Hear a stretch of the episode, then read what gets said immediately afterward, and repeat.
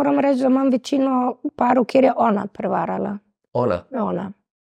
Ampak želite ostati skupaj. Torej. Ampak tudi on, ampak večinoma skoraj imam več dan. In dosti krat že sami pari rečejo, zakaj so prišli. Zato, ker se oba zavedata, da nista se dovolj potrudila in je prišlo do prevelike otojenosti, bodi si v postelji, bodi si v odnosu, v komunikaciji, nista se sploh več pogovarjali in že dogovarjali, vsak je nekako na neko svoj način živel in je nekaj, nekaj drugega zadišalo.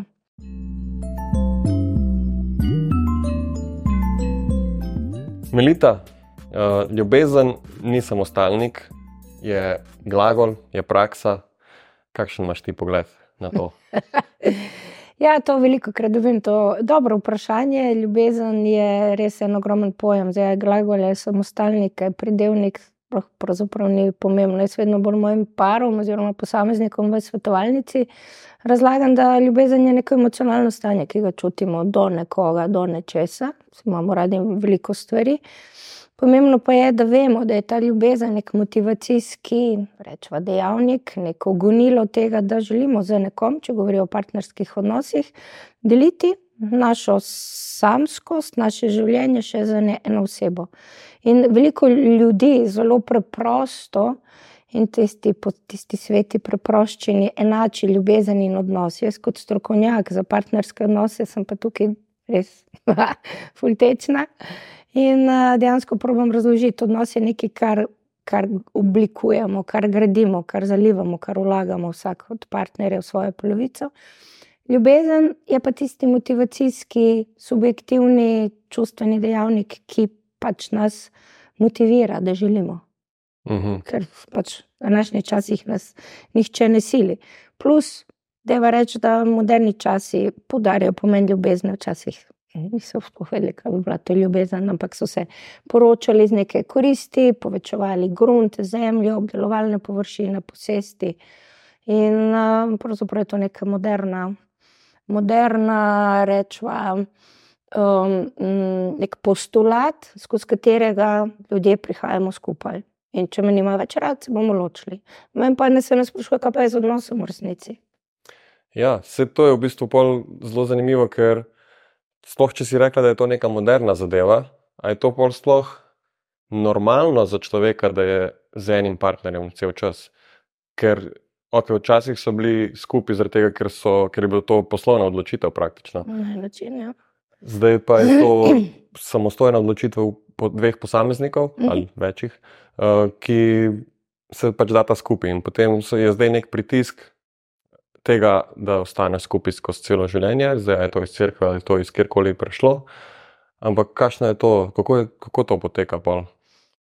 Ja, v današnjih modernih časih, sploh v tem zahodnem svetu, ki ni problem se ločevati, uh, nimamo se več radi in se bomo ločili.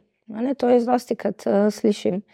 Um, ampak jaz vedno rečem, ja, ampak smo dali dovolj v odnos, smo bili dovolj odgovorni, jaz svojih 50% in ti svojih 50%, da smo dajali dovolj sebe, tistih um, avtentičnih, iskrenih naših vsebin v odnos z osebo, ki nam pač predstavlja neko idejo ljubezni. In moderni ljudje se pač nekako začnemo. Neke zveze, običajno, večinoma, za razliko od včasih, preko faze zaljubljenosti tem sem veliko krat pisala, govorila, se veš, pet knjig sem člankov mojih izdala v tej prvi iskreno v partnerstvu. Dejansko veliko o tem pišemo, o tej fazi zaljubljenosti, ki jo nikar ne mešamo z kasnejšo zrelo ljubeznijo. Ja. In faza zaljubljenosti reče, da traja približno, kaj če rečete, eno leto, seveda, odvisno od posameznika, tako. In to je tisto neko naše noro, munjeno hormonalno stanje, kjer pravzaprav hormoni šopajo in vse. To sem pa brala ene, ene raziskave tudi. Cel fokus je v fazi zaljubljenosti namenjen temu, da se bomo čim večkrat, čim bolj poseksali, da bomo pač intimni, ker pač to, nas, to, je, to, to je ta naš drive zaljubljenosti. In tukaj pač je težko govoriti o ljubezni. Ljubezen je potem tisti nek prenos zavedanja, aha, izvenela je zaljubljenost. In zdaj jaz to, to osebo, v katero sem jaz projicirala moje želje, moje potrebe, kakšen naj on bi bil, postane bolj realen. O, ti pa nisi tak, kot sem nekako to eno leto norega, fajnega seksa imela v mislih, oziroma tako sem te sprejemala, ampak si tudi z nekimi svojimi minusi. In potem te pluse, minuse, ki zveni ta hormonalna zaslepljenost, je treba vzeti za kup. In jaz takrat rečem mojim dragim parom, pa strankam individualno tudi, e, takrat je čas, da naredimo nekaj rezime naših želja, naših potreb, če se nočemo, kaj ne toleriramo, kaj so naše vrednote, stališča. Veliko tega, seveda, izvira nekako iz primarne družine in vse to damo na mizo do partnera ali partnerke, in enako želimo, da on nam pove. In tukaj je potem neko polje tega, da rečemo, da ja, želim ostati s tabo, želim s tabo graditi zdrav odnos in s tem, ker piti na eno, kaj ljubezen. Mm. Ampak večinoma tem valjda noben ne razmišlja, to mi dva zdaj ozaveščava. Yeah. Ja. Uh, to je vse samoumevno, a pa pridejo vem, otroci, skupaj bomo živeli, kredit in pa sploh ne sprašujemo več, koliko fuleni stvari nas začenja motiti. In kaj bolj ljubezen izvenela, v bistvu je zaljubljenost izvenela, nismo pa več gradili odnosa, ki bi krepil ljubezen. Mm. No, to je neka taka moja formula. Ja, mislim, zelo zanimivo in jaz zelo, zelo poistovetam mogoče s tem. Um, Zato, ker recimo, predvsem v tem odnosu, zdaj, ko sem, sva se že takoj, od, že dejansko v fazi zaljubljenosti, ker sva oba imela pač svoje izkušnje pred tem in sva se že takrat začela pogovarjati o določenih vprašanjih, ki so, ki so pomembne pol za kasnejše faze. Torej, recimo, kakšen je pogled na um, na otroke, kakšne, imamo vrednote, kaj nam je pomembno, kaj nam ni. Uh, takrat smo tudi vzpostavili eno tako stvar, ki jo jaz zdaj imenujem radikalna komunikacija. Okay. um, to je čist moj nek pojem, ampak radikalna komunikacija za mene je to, da poveš vse, kar ti leži na duši. Uh mhm. -huh. Ne glede na to, kako je to težko, pa koliko uh, ti je awkward, ali koliko ti je naroden, ali pa koliko misliš, da bo to um, škodovala, recimo, mm. drugemu človeku. Dobro. Ampak ne na način, da to poveš takrat, ko te nekaj triggera. To, to se pravi, ko dobiš ti nek trigger, ko ti nekdo stopne živc, ne da takrat butneš v vse, okay. ampak dejansko. Počakaš to fazo in pol poveš tako na nek tak prijazen način. Ampak poveš pa vse. Tudi če je to nekdo drug mi je postal všeč, je vajne. Kaj bomo s tem? Kaj zdaj? Ja, ja, ja, ja cool. To se ja. je izkazalo za fulno. Ja, jaz temu rečem pravilo 24, 48 ali pa 72 ur. Ko nas nekaj strigira, prespimo eno, dve ali tri noči in pa, da pač rečemo, da ne postiskamo pod progo, da pa se pogovoriti, potrebujem. Uh, ti povej to in to, in želim tvoje mnenje, in prosim tudi ti. Eh, razmisli v tem času, da se pogovorijo. Veš, in tukaj potem ne prihaja do tega, ker večina parov že dela, kaj porivajo preprogo, se skregajo, so neiskreni, imajo probleme, konflikte, nesporazume, lahko so čisto bedni. Taki, ki bi se mi zasmejali, da so tega so se videli, kregali, kamen. Uh, in potem porino pod preprogo in potem. To se nabira, ne? Nabira se, vmes pa kaj živimo. Ampak nabira se, zadnji je polna proga, veš, vedno više, bolj smrdi, bolj smrdi, bolj smrdi. Enkrat valjda, shit hits the fan, pa imaš pa merdo vse okoli. Ne, pa, pa smrdi, ne. Ja, ja. Mm. Ok, da se vrnemo mogoče malo nazaj.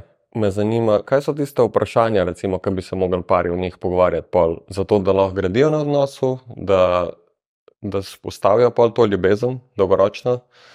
Imaš kakšne tle na svete za Kot prvo je fino biti iskren, iz kakšnih primarnih družin izhajamo. Se pravi, kako so naj, naši starši um, vem, nas vzgajali, kakšne vrednote imamo, kaj nam je pomembno. Se sam veš, da ni, ne obstaja par, ki bi imel identične vrednote, identični upbringing, identično zavedanje, kaj je pomembno, kaj ni, tudi to, kako se komunicira. Ne, smo milijon parov, ki ona, On je navaden, da se pač ne pove, ne komunicira, nikoli ni objemal, ker tega ni videl staršev početi, starši niso njega, naprimer, objemali. Ona ima iz primarne družine, da treba je garati, treba je potrpeti, tiho bodi, prilagajaj se tišina, pa če s tem rečem, avstrogrski še način uh, odnosnosti. In to, ko pride skupaj, veš, je, je prostor za ta presek med obema, presek je dosto ozek. In je potrebno še toliko več, več dela na odnosu. Jaz tukaj v mojih predavanjih uporabljam eno grozovito besedo, ki se vedno, ki še najde, ki se pobuni v publiki. Zakaj uporabljam besedo garanje? Ker je res tako težka slovenska beseda, da Ja. je treba garati. Zelo tak močen. Mm, ja. ampak, veš, dosti krat dejansko ne najdem ekvivalenta, ker dejansko vlaganje v odnos je garanje. Zakaj? Zato, ker moramo dejansko tudi delati vsak na lastnih, dejansko teh uh, programih, nezavednih prepričanjih, samosaboterjih. To, kar je bilo generacije v moji familiji dano kot aksijom, ki se, o katerem se ne izprašuje in ki se ga ne dokazuje. Moj za mojega partnera lahko tudi, tudi science fiction, ona, to je nekaj znanstvena fantastika in ona čisto drugo. Mm. In ki veš, kad dva svetova trčita, je res treba veliko um, tolerance in razumevanja in ljubezni kot motiv, želim prisluhniti. Se ne znam poistovetiti, meni me je to fultuje, njemu je moje, nekaj prepričanj, meni so- njemu so neke moje fore fulčudne. Ampak ja, s komunikacijo in da si vzamemo čas, tako kot si lepo rekel, vzameš si čas in poveš brutalno, iskreno. In jaz vedno rečem, ampak pri teh pogovorih je potrebno najti dogovore, Mm. ki se jih obe strani približno zavedata, da želita skleniti dogovor, ki naj bo nek partnerski dogovor, ki velja za oba. In dogovore ne kršimo, dokler ne postanejo mogoče nerazumljivi za nekoga ali pretesni, in se potem potrebno spet prilagajati, iskati nove rešitve, nove kompromise, nove dogovore. Vse ni nič uklesano v Ja. kamen in mi se z leti spreminjamo in odnos nas spreminja. In to ljudje pozabljamo. Je treba aneks podpisati. ne? Ja, recimo, Aneks tudi. pogodbi. Ja, ja, ja, ja, ja. Prej si omenila, da, da so moški doskrat tisti, ki, ki mogoče ne govori veliko, ne objema in tako naprej. In sicer jaz se ne morem poistovetiti z objemanjem, ker je to meni zelo naravno, uh, ampak bilo pa je v vseh mojih odnosih do zdaj in tudi v tem, in zdaj v tem končno to rešujem, oziroma skupaj nekako rešujeva, Mhm. je to, da sem jaz bil vedno ta nek withdrawer. Enkrat sem poslušal en podcast od Esther Perel in je rekla, da je to prav nek uh, term. Mhm. To se pravi, jaz sem withdrawer, punca je bila pursuer. To se pravi, ona je meni skozi najedala, kdaj mi boš kaj povedal, kdaj mi boš kaj povedal, jaz ti vse povem, uh, jaz le zlivam va- na te vse, ti si sam tih, uh, jaz ti povem vse, ti daš stran, mislim, ti daš od sebe dve besede. Mhm. Ampak jaz sem dobesedno v tistem trenutku, ko je ona to, recimo, se izlila na me. Uh, jaz sem dobesedno, meni je bil blank. Pač jaz tudi, če sem hotel, pa sem hotel kaj povedati, ampak jaz nisem imel kaj pametnega za povedati. Pa ne, jaz, jaz sem lahko sam rekel, ok, uh, ja, v redu, ne vem, kaj naj ti zdaj povem. Dokler nisva tega skomunicirala, pol kasneje, in sva ugotovila, da je moj način tak, njen način tak, to je zdaj recimo v tem odnosu. In zdaj se razumeva. Lepo. In je ful lažje. Garajta. Garava. Ja. Neko, vsak svojo Garava. polovičko. Sk, uh, vsak, Bravo. ja, mogoče bi, bi jaz le celo rekel 100% vsak. Ja, se je 50-50 je to.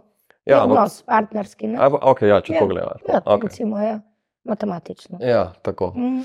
Ampak ja, ko- kaj bi predlagala parom, ki imajo mogoče, ker vem, da pa veliko parov ima enak problem tega, da je nekdo tisti, ki, ki hoče iz nekoga izriniti več informacij, sem izvleči več informacij, oziroma da, da se mu partner bolj odpre, ponovadi so to ženske. In na drugi strani moški, ki se mu je težko odpreti, oziroma mu ni to domače. Kako bi se Ja, jaz bi tukaj, veš kaj, jaz bi tukaj uh, zajela mogoče širšo tudi zgodovinsko sliko, čisto mogoče antropološko ali pa civilizacijsko, zelo, zelo preproš, preprosto. Um, pomaga, mislim, probam razložiti uh, uh, te, bom rekla, dosti komplicirane odnosne razlike.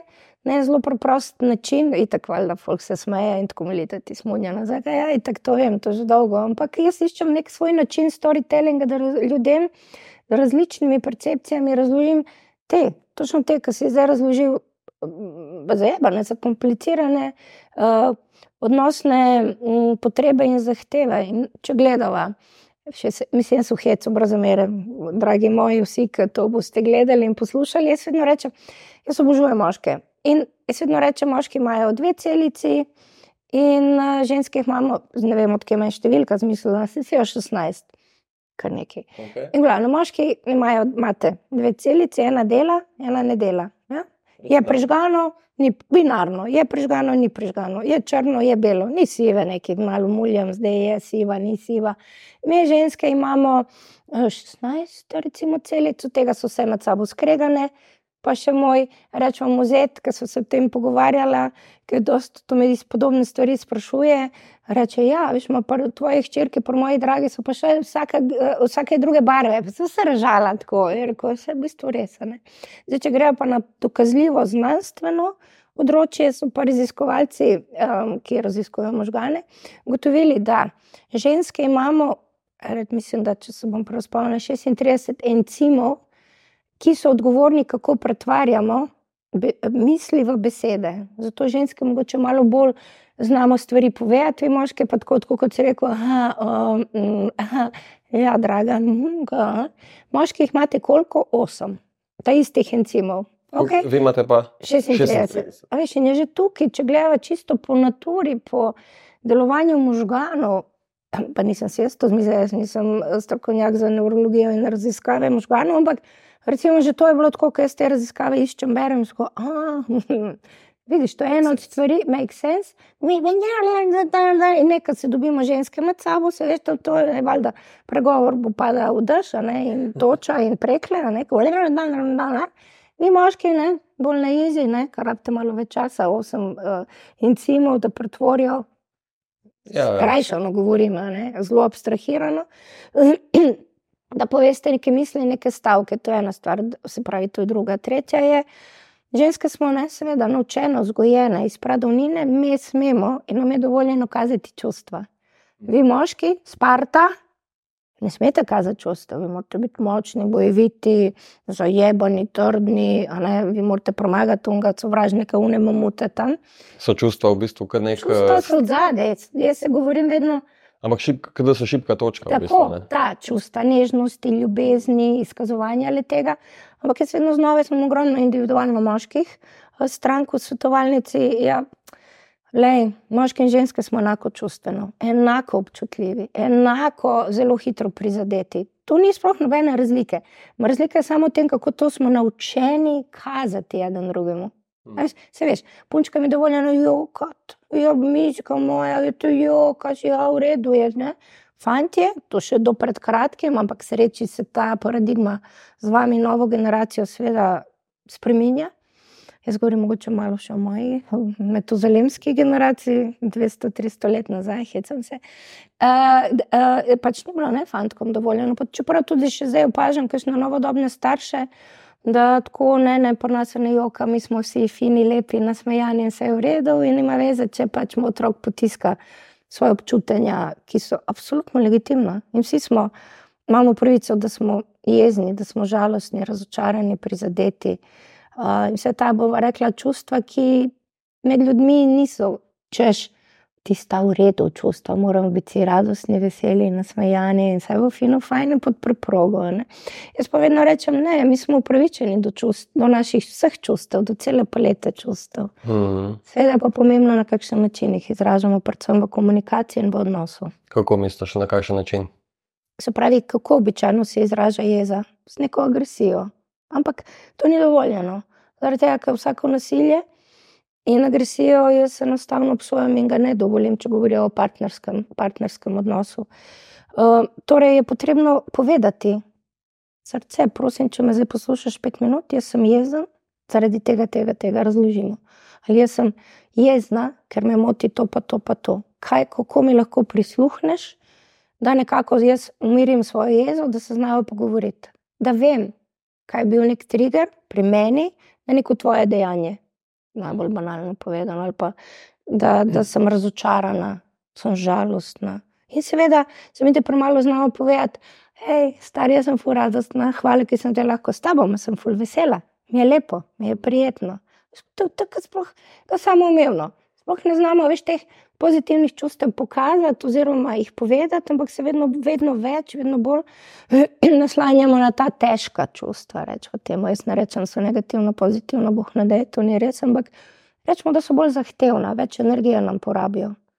Sploh, ker smo mogoče bili vzgojeni in učeni, da jih ne smemo kazati, da jih moramo skrivati, da jih moramo potiskati. Jaz pričo tega vidim tudi pri mnogih strankah moškega spola, Dosti krat, ko, prije, ko pridejo po recimo razhodu, ločitvi ali prevari, kako šele takrat, mogoče prvič v življenju iskreno pridejo do globine svojih čustev, da jih boli, da upajo, zmorejo jokati. Da dejansko bolečina taka, da jih vsaka celica v telesu na fizični ravni boli od, od hudega. Veš? In to so, to so, to, to smo ljudje, imamo pravico do tega. In seveda, zdravo je žalost izjokati. Absolutno. Ampak to je že ekstremna situacija. Ne? Ko pride do ločitve, to pomeni, da je v zadju bilo že zelo veliko enih stvari, ki niso bile sproti obdelane mm. na nek način. In kako bi lahko, recimo, pari, ki, ki grejo v smeri tega ekstrema, te ločitve in te bolečine, prej reagirali, da ne, da ne bi prišlo do tega?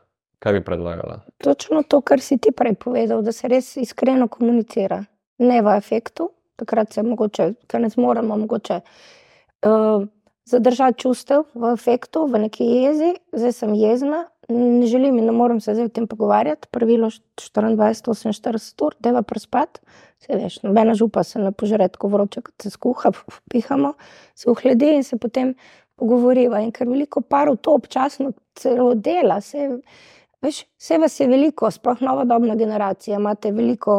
Uh, Mi smo imeli v mojih časih knjige, vi imate zdaj ogromno na, na internetu in podcastov in, in literature in različnih modrih nasvetov, ki pije vodo tudi za recimo, te drugačne generacije in drugačen način gledanja na odnose in na izražanje čustev. Ampak pomembno je vedno, da ko se neha komunicirati in ko se neha seksa, dejansko prihaja do zelo močne utujitve, govorijo o partnerskem odnosu. Jaz vedno mojim parom razlagam, Pa dosti krat tudi vprašam, eno tretje vprašanje je, da ste videli, da je bila na zadnje intimna, ali sta sploh intimna. Veš, štiri petine parov reče, ne, že dolgo ne. Smo utujeni, mi da smo cimra, skrbiva za otroke, za kredite. Kaj to pomeni, že dolgo ne? Ja, to pomeni že kar leta. Leta? Ja. Pol leta, leto, tri, pet, jaz sem gledam. In kako, kako pa pride do kako narediti, da to se, ker se mi zdi, da v takem primeru seks in tima postane že tabu. Ne? Pa se ne govori več o tem, ker ne, to je pač nekaj, kar ja, je ne problem. In... Mi dva smo stanovalca, živiva, se podpirava v smislu skrbi za položnice za otroke, ampak nisva pa več intimna zaveznika, prijatelja. Veš, sama intimnost, jaz sem celo knjigo napisala, iskreno intimnosti je dejansko tista češnja na vrhu torte zdravega odnosa, ki je poln zaupanja. Se pa mi čutimo, fajn se je zaupati, da smo lahko intimni, da se lahko dejansko tudi telesno predamo. Veš, jaz vedno rečem, seks je lepilo dveh različnih ljudi, različnih teles na vem, dveh, treh kvadratnih centimetrih, končni fazi. Ampak kako pa pride, da ne pride do tega? Ker... Nehamo pa se obgovarjati. Ampak o ne... sebi. Utujevanje se začne. Ne? Ampak, ja, to, to, mislim, to se mi zdi, da je veliko ljudi, ki so že bili v odnosih, ki so mogoče daljši od tega enega leta, ali pa ne, mogoče dve leti še nekaj gre, pa se pa začne mogoče počasi uh, um, dogajati to, da moč malo več. Spet garanja, da, to, da, da je ostane intima taka, kakor je bila, ne? oziroma vsaj na približnem nivoju. Seveda.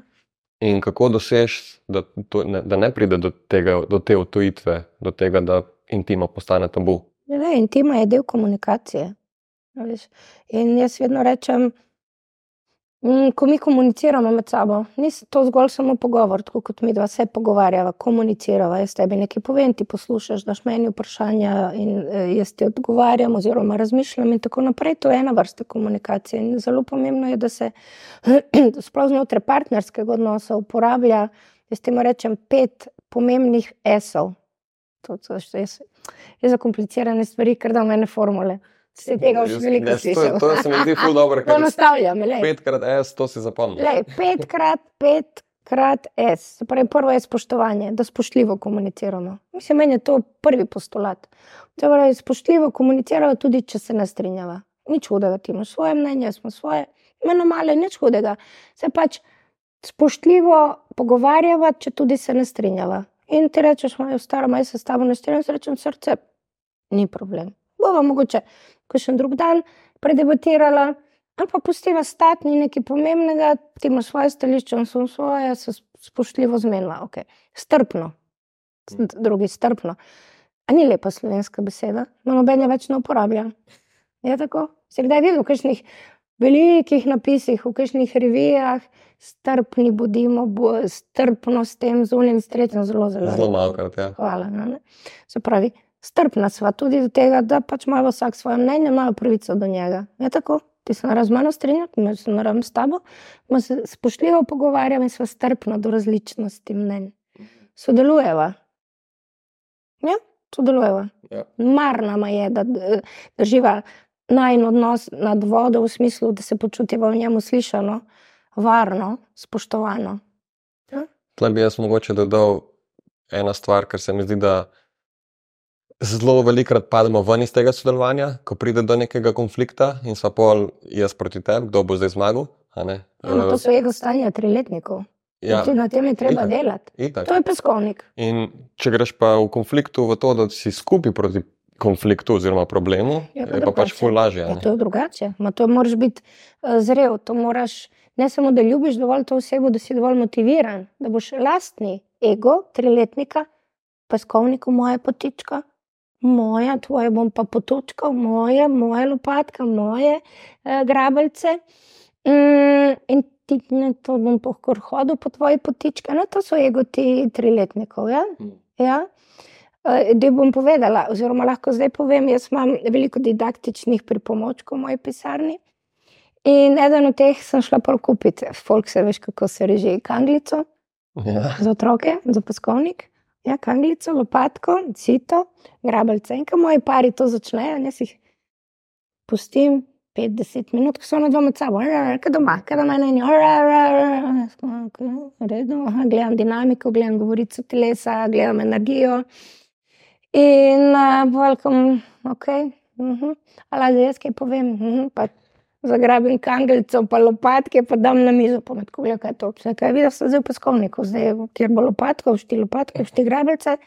Ali kar pustim, pa, pa tole še naprej poslušamo, smo tukaj zato, da tole grozovitost, egotov, triletnikov spremenimo in da mi odrasteta ne vem, 42, 45, 28, 33 let stare ljudi. Whatever. Ja, veš, me tako gledajo, pa da se reži in pa tako. "A? Vse kaj, Ampak je ne, to. ja. ne, ne dela tega. In sem ful ponosna na moje pare, ki mi doskrat rečejo, naslednjič, ko se vidimo. A veš, da so šla kupiti mi dva tudi kangelco in lopatke in imamo na kaminu ali pa srednjevne sobe, da bi že mi za Da te spomne. kangelca. Pa je rekla, Melita, ne greva tam, deva se pogovarjati. A veš, in sem vesela, ja, veš, kaj, ljudje smo vizualni, je tako. In imamo priziv, čak Melita na zunom pogledom gledala, polno kangelcev nam je vrgla na mizo. Ne, ne greva. no. Sploh je tak šok, ne, ker noben ne pričakuje, da boš kangalcev ven potegnil. Zato veš, jaz ne delam, kot rečemo, psihoterapiji, ne maram tega, veš, tam ne bi smela tega, tam so določe, zelo določena pravila. Jaz imam svoje svetovanje. To je ta anglosaksonski sistem counselinga. In je v bistvu pač na moj način, dobro, jaz imam dva faksa in nekaj kupene teorije od zadaj in, in, in ga znanja, ampak jaz veliko prav dejansko tudi iz izkušenj delam, jaz se od vsake stranke učim. Jaz od tebe učim, jaz od vsakega učim, poberem, kar mi rezonira, kar za moj mindset je ok, tudi strokovni, in potem znam dajati tudi naprej. Zato tega je veš ta moja zakladnica izkušenj ogromna. K meni marsikdo pride pa reče, hej, stara, jaz sem zdaj pri tebi zaradi tega, ker vem, koliko imaš izkušenj, zihar boš najdela rešitev, pa za ta moj problem, ki je valjda enak kot 5000 drugih. Ampak je edini za tisto Ja, osebo. jasno, za, za njega je. No, četrti se, da dokončam, Ja. je sočutno, Mhm. se pravi, na ponovih. Zdaj imamo uh, spoštovanje, strpnost, sodelovanje. Sočutje Sočutno. in seks. In seks. Peti. To so načini komunikacije. So, a boš povedala še kaj več o sočutju, ker so zdaj sve zmedeli? Lahko, lahko, ja. Eh, eh, Se pravi, ko smo sočutni, to pač res je, rečva, to je nekaj, kar privzgojimo starši otrokom, eni smo rojeni s sočutjem. Eh, In je pomembno, da vemo, da ne želimo drugega prizadeti, da smo obzirni. Tudi, ko nam kaj ni v redu, le jaz bom zdaj groba, jaz sem te stvari povedala.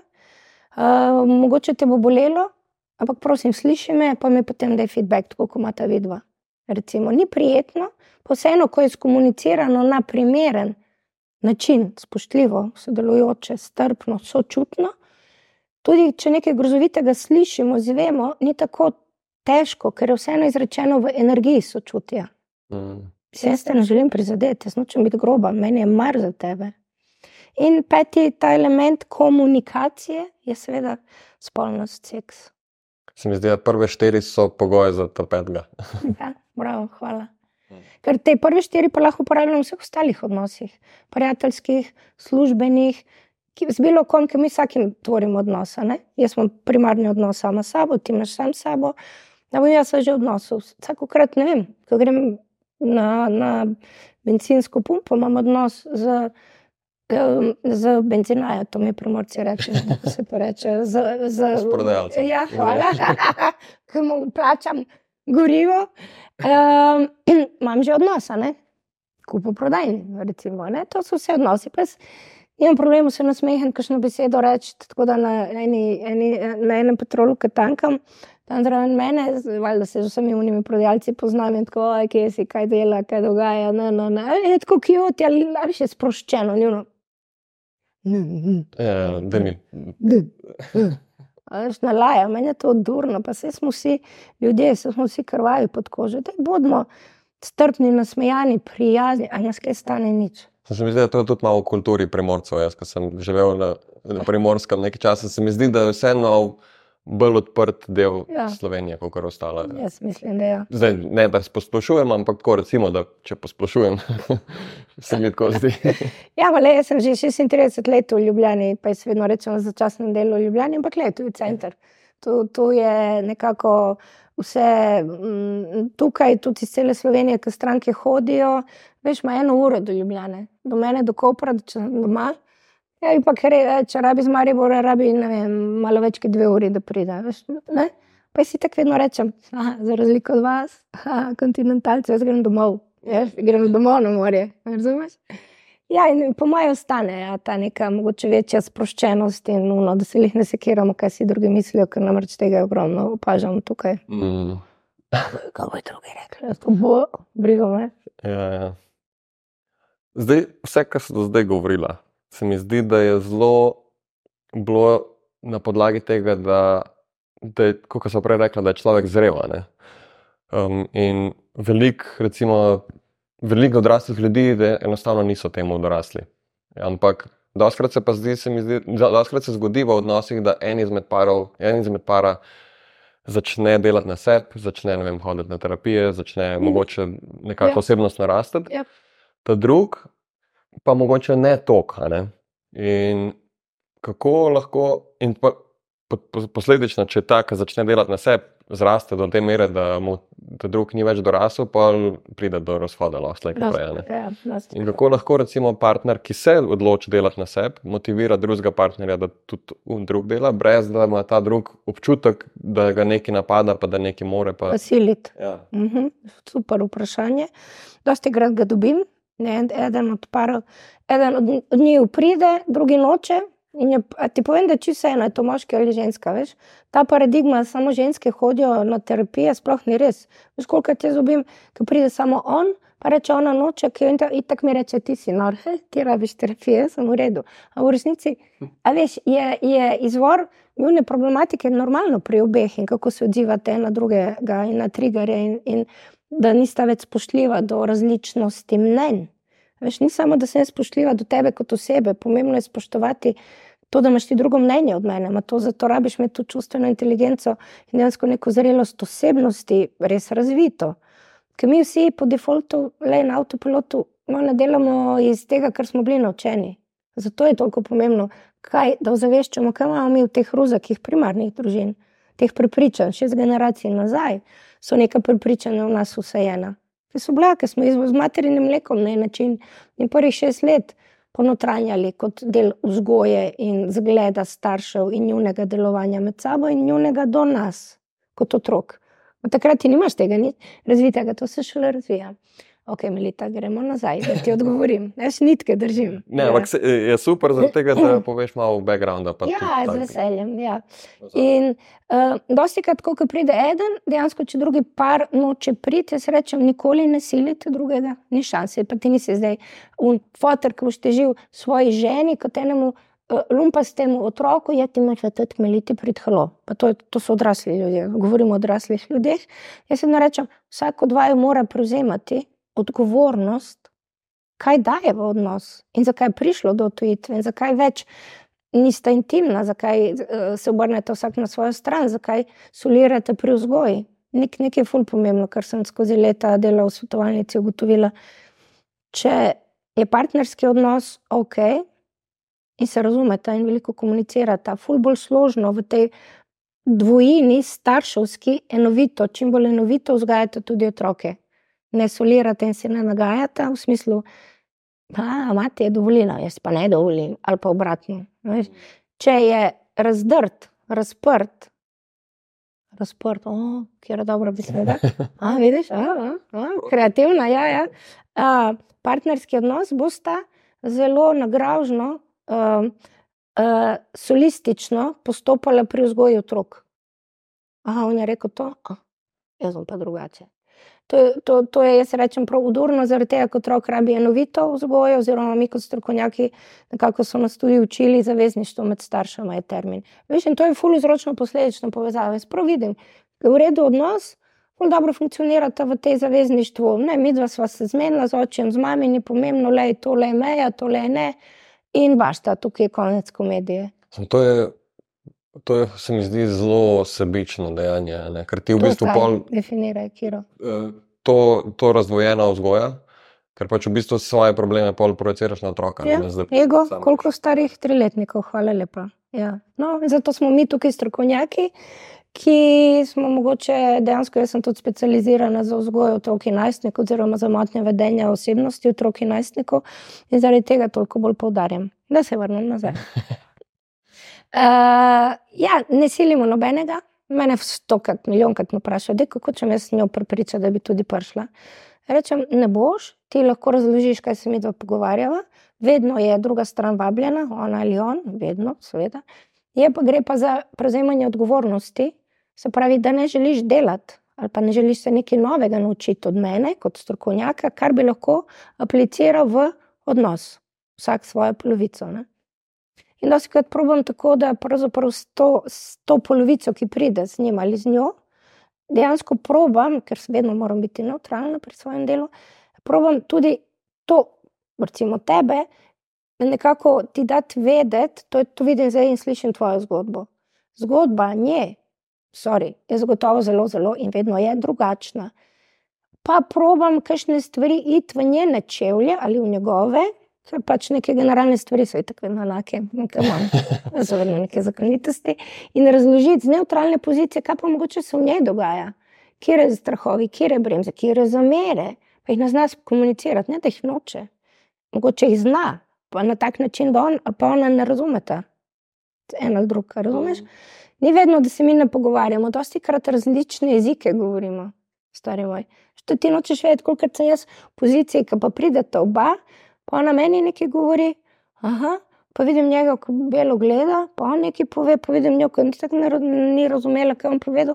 In jaz, ko vidim, da sta zmedena, pa to sta že stavženka tem drugemu povedala, ma tega sta pri meni, da jaz mogoče ne z te, a veš, strokovne pozicije razložim in pa jaz rečem, jaz, jaz sem vzgojena kot sin, a veš, pa znam po moško razmišljati, sem pa ženska. Ne? Ja, rečem, jaz lahko prevedem, veš, pa bom tako gledala. Vse, kar, ali za tebe, ki zdaj po moško si povedal, lahko prevedemo ženski jezik. O, ja, vse ga pa ti me kar popravlja, če kaj ne bom prav povedala. In jaz se veš, tako slišim in povem na tak način, kaj če rečem, ženski. In njeno, a smem prevesti, ja, ja, jaz sem tak prevajalec. včasih. In iz ženskega v moški jezik, veš, za dve celici, a ne? pa iz dveh celic na 16 celic, uno, ki smo prej govorili. Hej, stari, jaz se vedno, jaz se prav raznežim, ko pol gledam, veš, te moje pare, ki se začnejo tako gledati. Zakaj mi nisi povedala, veš, pa se ti tri leta že to razlagam, pa ko ne nisem razumel. A razumeš, časih prej od tega, da ne da sta na nasprotnih bregovih, mu ne znata, nimata interfejsa, veš, da bi, eh, da bi znala čim bolj enoviti jezik uporabiti, da bi se v ne dve celici razumeli, njeni 16 in obratno. Ne? In uh, jaz si prav moja, moja pare to naučiti. Te pejdi malo svojih 16 celic, svojih čevljev, ti pejdi svojih dveh, najdemo ne vem, 8 celic nekega preseka, da se tukaj notri pogovarjate. In ti povem, koliko se zgodi, da se začnete prav božja dotikati, ker ste se mogoče po dveh, treh letih enih in istih, enih in istih for in nesporazumov. Ste ugotovili, da v istem govorite, vse kaj vidijo, kar se mene tiče, če abstrahiram ta tvoja, te tvoje pomisleke, pa te tvoje, vidite, v istem govorite, vidite, hočete en drugemu dobro, ma ne znate tega tako razložiti, da bi en in drug razumela. Če začnete mehko ljubeče gledati, pa še tako časih rečem, gremo za 15 minut ven. Vidva se, ker polobi, ker mi je zvan, se manj kavč, pete, ne, ne, bom videla doma, ok, jaz sem povedal, sem pražal. In to je tako cute, meni je to tako lepo, se res obožujem moje delo. To je meni tako lepo, veš, veš kaj vidiš, spremembo energije človeka. Mm -hmm. Zaznaš, kaj vidiš govorico telesa, vsako svojo stran, pa že en drugemu.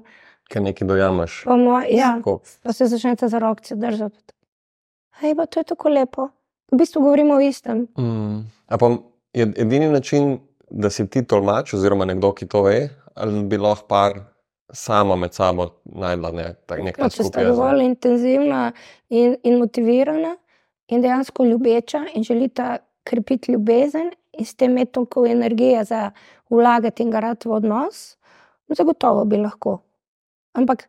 Veš, običajno, ko pride do enega in istega triggera, se okoli enega in istega triggera vrtimo veš, hrček. Uh mhm. -huh. In laufamo po tem hrčku. No, let lahko.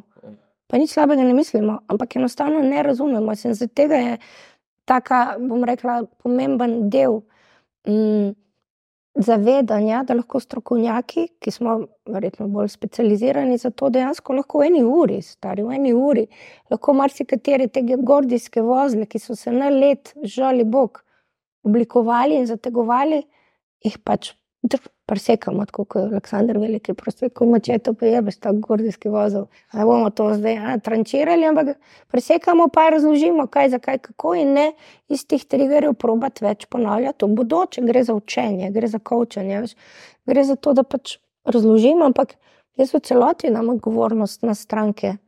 Jaz dam vse od sebe, ampak kaj boš ti s tem naredil, stari moj, it's up to you.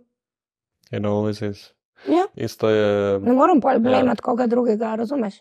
In biti v vlogi žrtve, oh, ni me znala, mogla vedela, ne, čak, čak, excuse me. Sem povedala obema. Sem v fitnessu isto. Ja. ja. Smela danes trening. Bravo. Ja, ja. Boksala. Ja, ja, ja.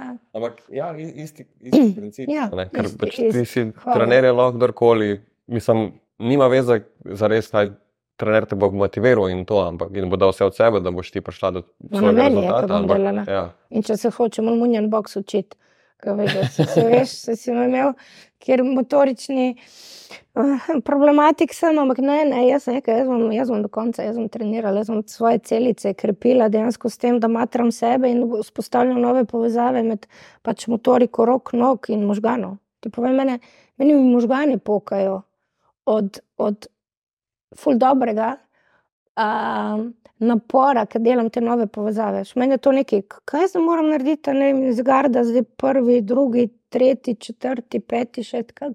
Pa nogice, kam zdaj nogice, kaj z nogicami, kam jih obračam, že kam da fakt to je zdaj delam, kaj obračam, kam da skočim. Kaj da... Ampak mi je, e, stari, to je toliko rewarding, res. Mm. Res. In prosim, nekaj, jaz sem križank na stare leta, dokaj rečem. Ja. Ne, ker po vsakem treningu tako, ok, se poleg vseh ostalih vajma, še po vsakem treningu porodim, kako meni možgani prav tripajo. Prisežem poleg ok, endorfinov in serotonina, vse kar našopa v prvi dve uri po treningu. Um, in je tako, jaz bom dala dva doktorata, malo tako je napisati. Tako mi je že dela. Res. Ampak to, je, to se mi zdi res en tak uh, pojav zanimiv, ker živimo v dobi tega hitrega dopamina fiksa yep. in vse yep. Hiter pležer, a veš, hiter yep. pležer, kako se yep. to reče po yep. Slovensko. Eh, hipno ugodje, hipno zadovoljevanje. Ja, tako ugodje, doseganje. Mm. Medtem ko težke stvari, kot recimo recimo boks ali pa učenje nekega novega motoričnega, uh, motoričnega skila ali pa isto je v komunikaciji, ko s partnerjem vzpostaviš nek nov nivo komunikacije, ki ga prej nisi imel. Ne moreš vaditi. Ja, ne moreš iz danes na jutro. In se mi zdi, da je to to je tisto, kar je pa res rewarding. Call. In ni rewarding samo v tistem trenutku, ne tako, kot ti ja. odpreš Instagram, pa si tako, ja, ti si vse. Ja. Ja. Po ga zapreš, si depresiven in moš spet odpreti. Ja, to je to. Si odvisen. Ja. Medtem ko tukaj, ko enkrat vzpostaviš ta nek nov nivo komunikacije ali pa nov nivo nekega, nekega nove stvari, ki si se naučila ali pa naučil, je ta zadovoljstvo full del trajajoče. Mm in ful bolj uh, fulfilling. ja, ma vaditi treba, što je isto kot ja, v komunikaciji. Uh, ali pa v zavedanju, kaj dajemo lahko v odnos, smo tudi odnos do sebe, to je zdaj v odnos do sebe. Je tako? Ja, mhm. jaz pač po mojih 55, mislim, biti zdrava, tudi če se kdaj kje mi spodrsne, jaz znam elegantno past, se ne razlomim, se hitro poberem, sem cela, sem ok ker sem časi se uspel med svoje noge zaplesti. Ja. Ja, od, ja. od malega, od malega. Ja, ja, to, bat, ja, jaz sem s tem sprijaznjen, z tega pol jog delam. Ja, pač tako je, jaz nisem cela idealna in fina in svane, ne, kje ne. In, uh, in je pa pomembno, da se pač tega naučiš, vadiš. Jaz se tako učim in sem vedno učila, ker jaz pravilno. Direkt se še vedno učim po treh letih. Sem to na glas rekla. Ampak, Mm, pač hvala Bogu, da ste trenerji, ki imate potrpežljivost, eh, res potrpežljivost je ogromna in razumevanje, da nismo vsi spremni za, za športanje. Jaz sem bila, da mi knjige, ja, knjige, jem knjige, šport, od starka stavamo, no. ja, in žiro še grem hoditi, tu smo bastane. Ma, ma zdaj mi je lepo in dobro. In dejansko, tako kot pri vseh stvareh, ko se naučimo, je pol trening, vaja, vaja, trening, isto za komunikacijo. Teh PC-jev, Če bomo znali uporabljati in jih vaditi, poleg čuječnosti, da smo prezentni tukaj in sedaj, kaj mi ti govoriš, kaj s tebi govorim, smo čuječa ena drugega, tukaj in zdaj smo ne razmišljali, kaj bo jedla in kam, kam bomo, kaj bo jutri delala. Uh, se mi zdi, da je to good enough, je to res dovolj dobro za neko čisto solidno mero zdravega odnosa. Hmm. A ti povem en, recimo temu na svet za partnerstvo, ki smo ga mi dva malo po nesreč nekako ugotovila, ja, ampak. Prosim če le smo v dnevni sobi, a ne, ni nekjer televizije. In, mi, in najmanj čas zvečer je to, da se pogovarjava. In to se mi zdi, da je bilo tako najbolj vredno, kar so lahko naredili za nas. Vem, da je ekstremno za marsikoga, ker no. pač so navajeni tudi ki grem domov, recimo k mojim, je televizija skozi požgana. Um, ampak je bil to, po mojem, res tako najbolj največji return investment zadeva, ker v bistvu smo, nismo niti investmenta naredili, samo pač nismo ga nismo kupili. Ti jaz nekaj povem. Povej. Um, če bi jaz imela to moč, bi prepovedala televizijo. Ja? Jaz imam fizično, maj že ne vem, odkar jih če šla v tujino študirati šest let, imam splahto pokrito. V bistvu niti ne vem, kje je ima. Uh, ker meni je to tako izgubo časa, da moj bog, če rabim kaj pogledati, grem pač na, na spletne platforme, če kaj me zanima. Uh, pod B, moji pari dobijo recept, sem prav šel starinski recept. Ta zelena, bela. Uh, ja, ne, ta zelen, veš, ki je bil. Ja, ja. Starinski, ki ga zdaj ni več. Uh, mi je ena doktorica pred leti prinesla in sem naredila recept za posvečen čas. Je to pred leti na Facebooku šlo viralno, vem, da je bilo ogromen doseg, ker sem ga slikala. recept za posvečen čas. No, ok, posvečen čas, posvetiva si čas, tako kot vidimo, ali pa mi dva zdaj. Eh, se pravi, vsi računalniki, telefoni, televizija, tablice, vse je ugasnjeno, vse je kjuzo, otroci spijo, če so, cunje za likat, za prad, bojo počakali. In moji pari dobijo ta recept v smislu, da se morajo, morajo priporočljivo vsak dan, vsak drug dan, vsaj pol ure pogovarjati. Small talk, naravno zdaj rešvati vesolja in ne vem, kaj vse. Odnos bomo se rekli, bomo se pogovarjali pri meni, ker je zdaj še zelo krhko. Novo pridobljeno znanje, veščine, kako oblikujemo odnose in kaj vlagamo. Lahko je tudi veliko triggerjev. Komuniciramo, seveda, ja, lahko. Zdaj, smo tako, kako si imaš, kaj je bilo v službi, kako, kaj je bilo z otroki. Aha, jaz sem zdaj prišla, aha, ti si jih imel. Aha. Kaj so vrtci rekli, tako je lušniki od majhne stvari, kaj bova jutri skupaj skuhala, kaj je sobota, kaj bo zdaj greva skupaj po špezo. Majhne stvari loviti skupne trenutke, kjer pač probujemo biti sodelujoči. V neštir seje, zvečer pa peti se, ki pol pride do petega seja, do, do spolnosti, do intimnosti. In marsikdo dejansko na začetku mi tako pove, melita, kaj je stalo, vsak dan pol ure. Rečem, ja, 30 minut. Ves pol valjda se blentava delam, tako jo, kot do, kaj. Ja, pa si nora, pa kako mu, pa jih prej petih, šestih domov, pa to, pa otroci, pa spat, pa šolske naloge, pa ne, pa je treba posesati, pomiti, to je nekaj, naj to se je celo stane. Ja, ok, otroci, damo spat, osmih, devetih, vija. Ma če otroci ob devetih spijo, imaš ti na enajstih čas. Pa la še vedno zlikaš, pa še vedno sosedeš, gasneš sovna jajca, pa se gledaš, se pogovarjaš, si ena sprot drugega, to je srčno, čakra na srčno, čakra in se me pogovarjaš in ti je mar in gledaš in poslušaš. To je minimalna osnova za to, da lahko odnos rečemo, pije vodo, da vem, da zvečer pridem in se bom z veseljem vzela pol ure časa.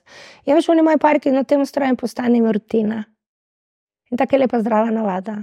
In oni pari tudi nehajo pol imeti televizijo, prežgano, ker tako res, kjer poraba časa, energije, vno jajca bedno gledati pa nekaj šaltati, pa nekaj imamo dolgčas. Pa imamo fokus na javni televiziji, ki upravljajo neki drugi ljudje. Pa me sploh ne zanima, sem da neki šumi, sem da nimam, da ne rabim se ukvarjati s tabo, je kamon, zgojmo pa skupaj. Mm.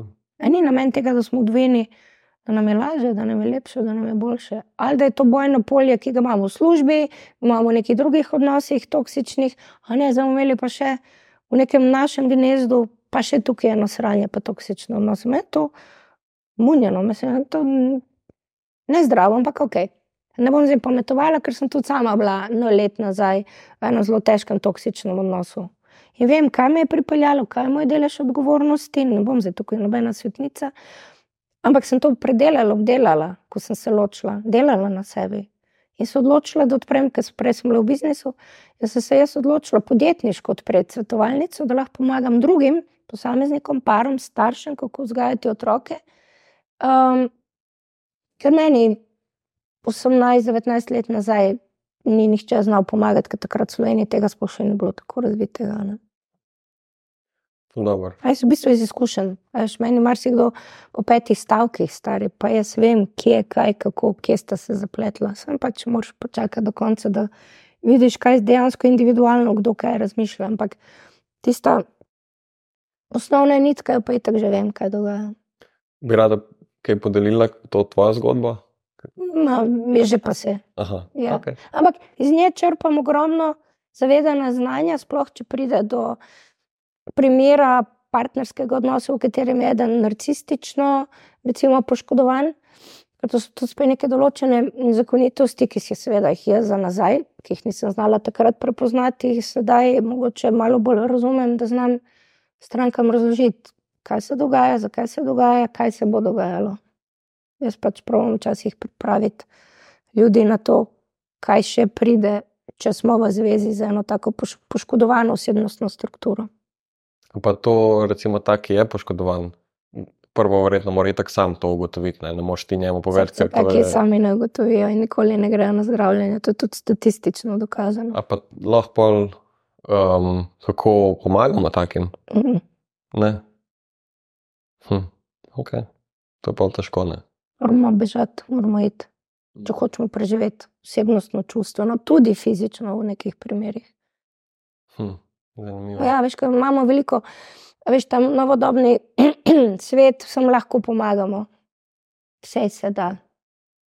Pač nekim določenem segmentu tako poškodovanih ljudi, Jaz ne rečem, da so zlobni, samo govorim, da njihova dejanja so morda ne, ne dovolj spoštljiva ali dovolj sočutna do, do sočloveka.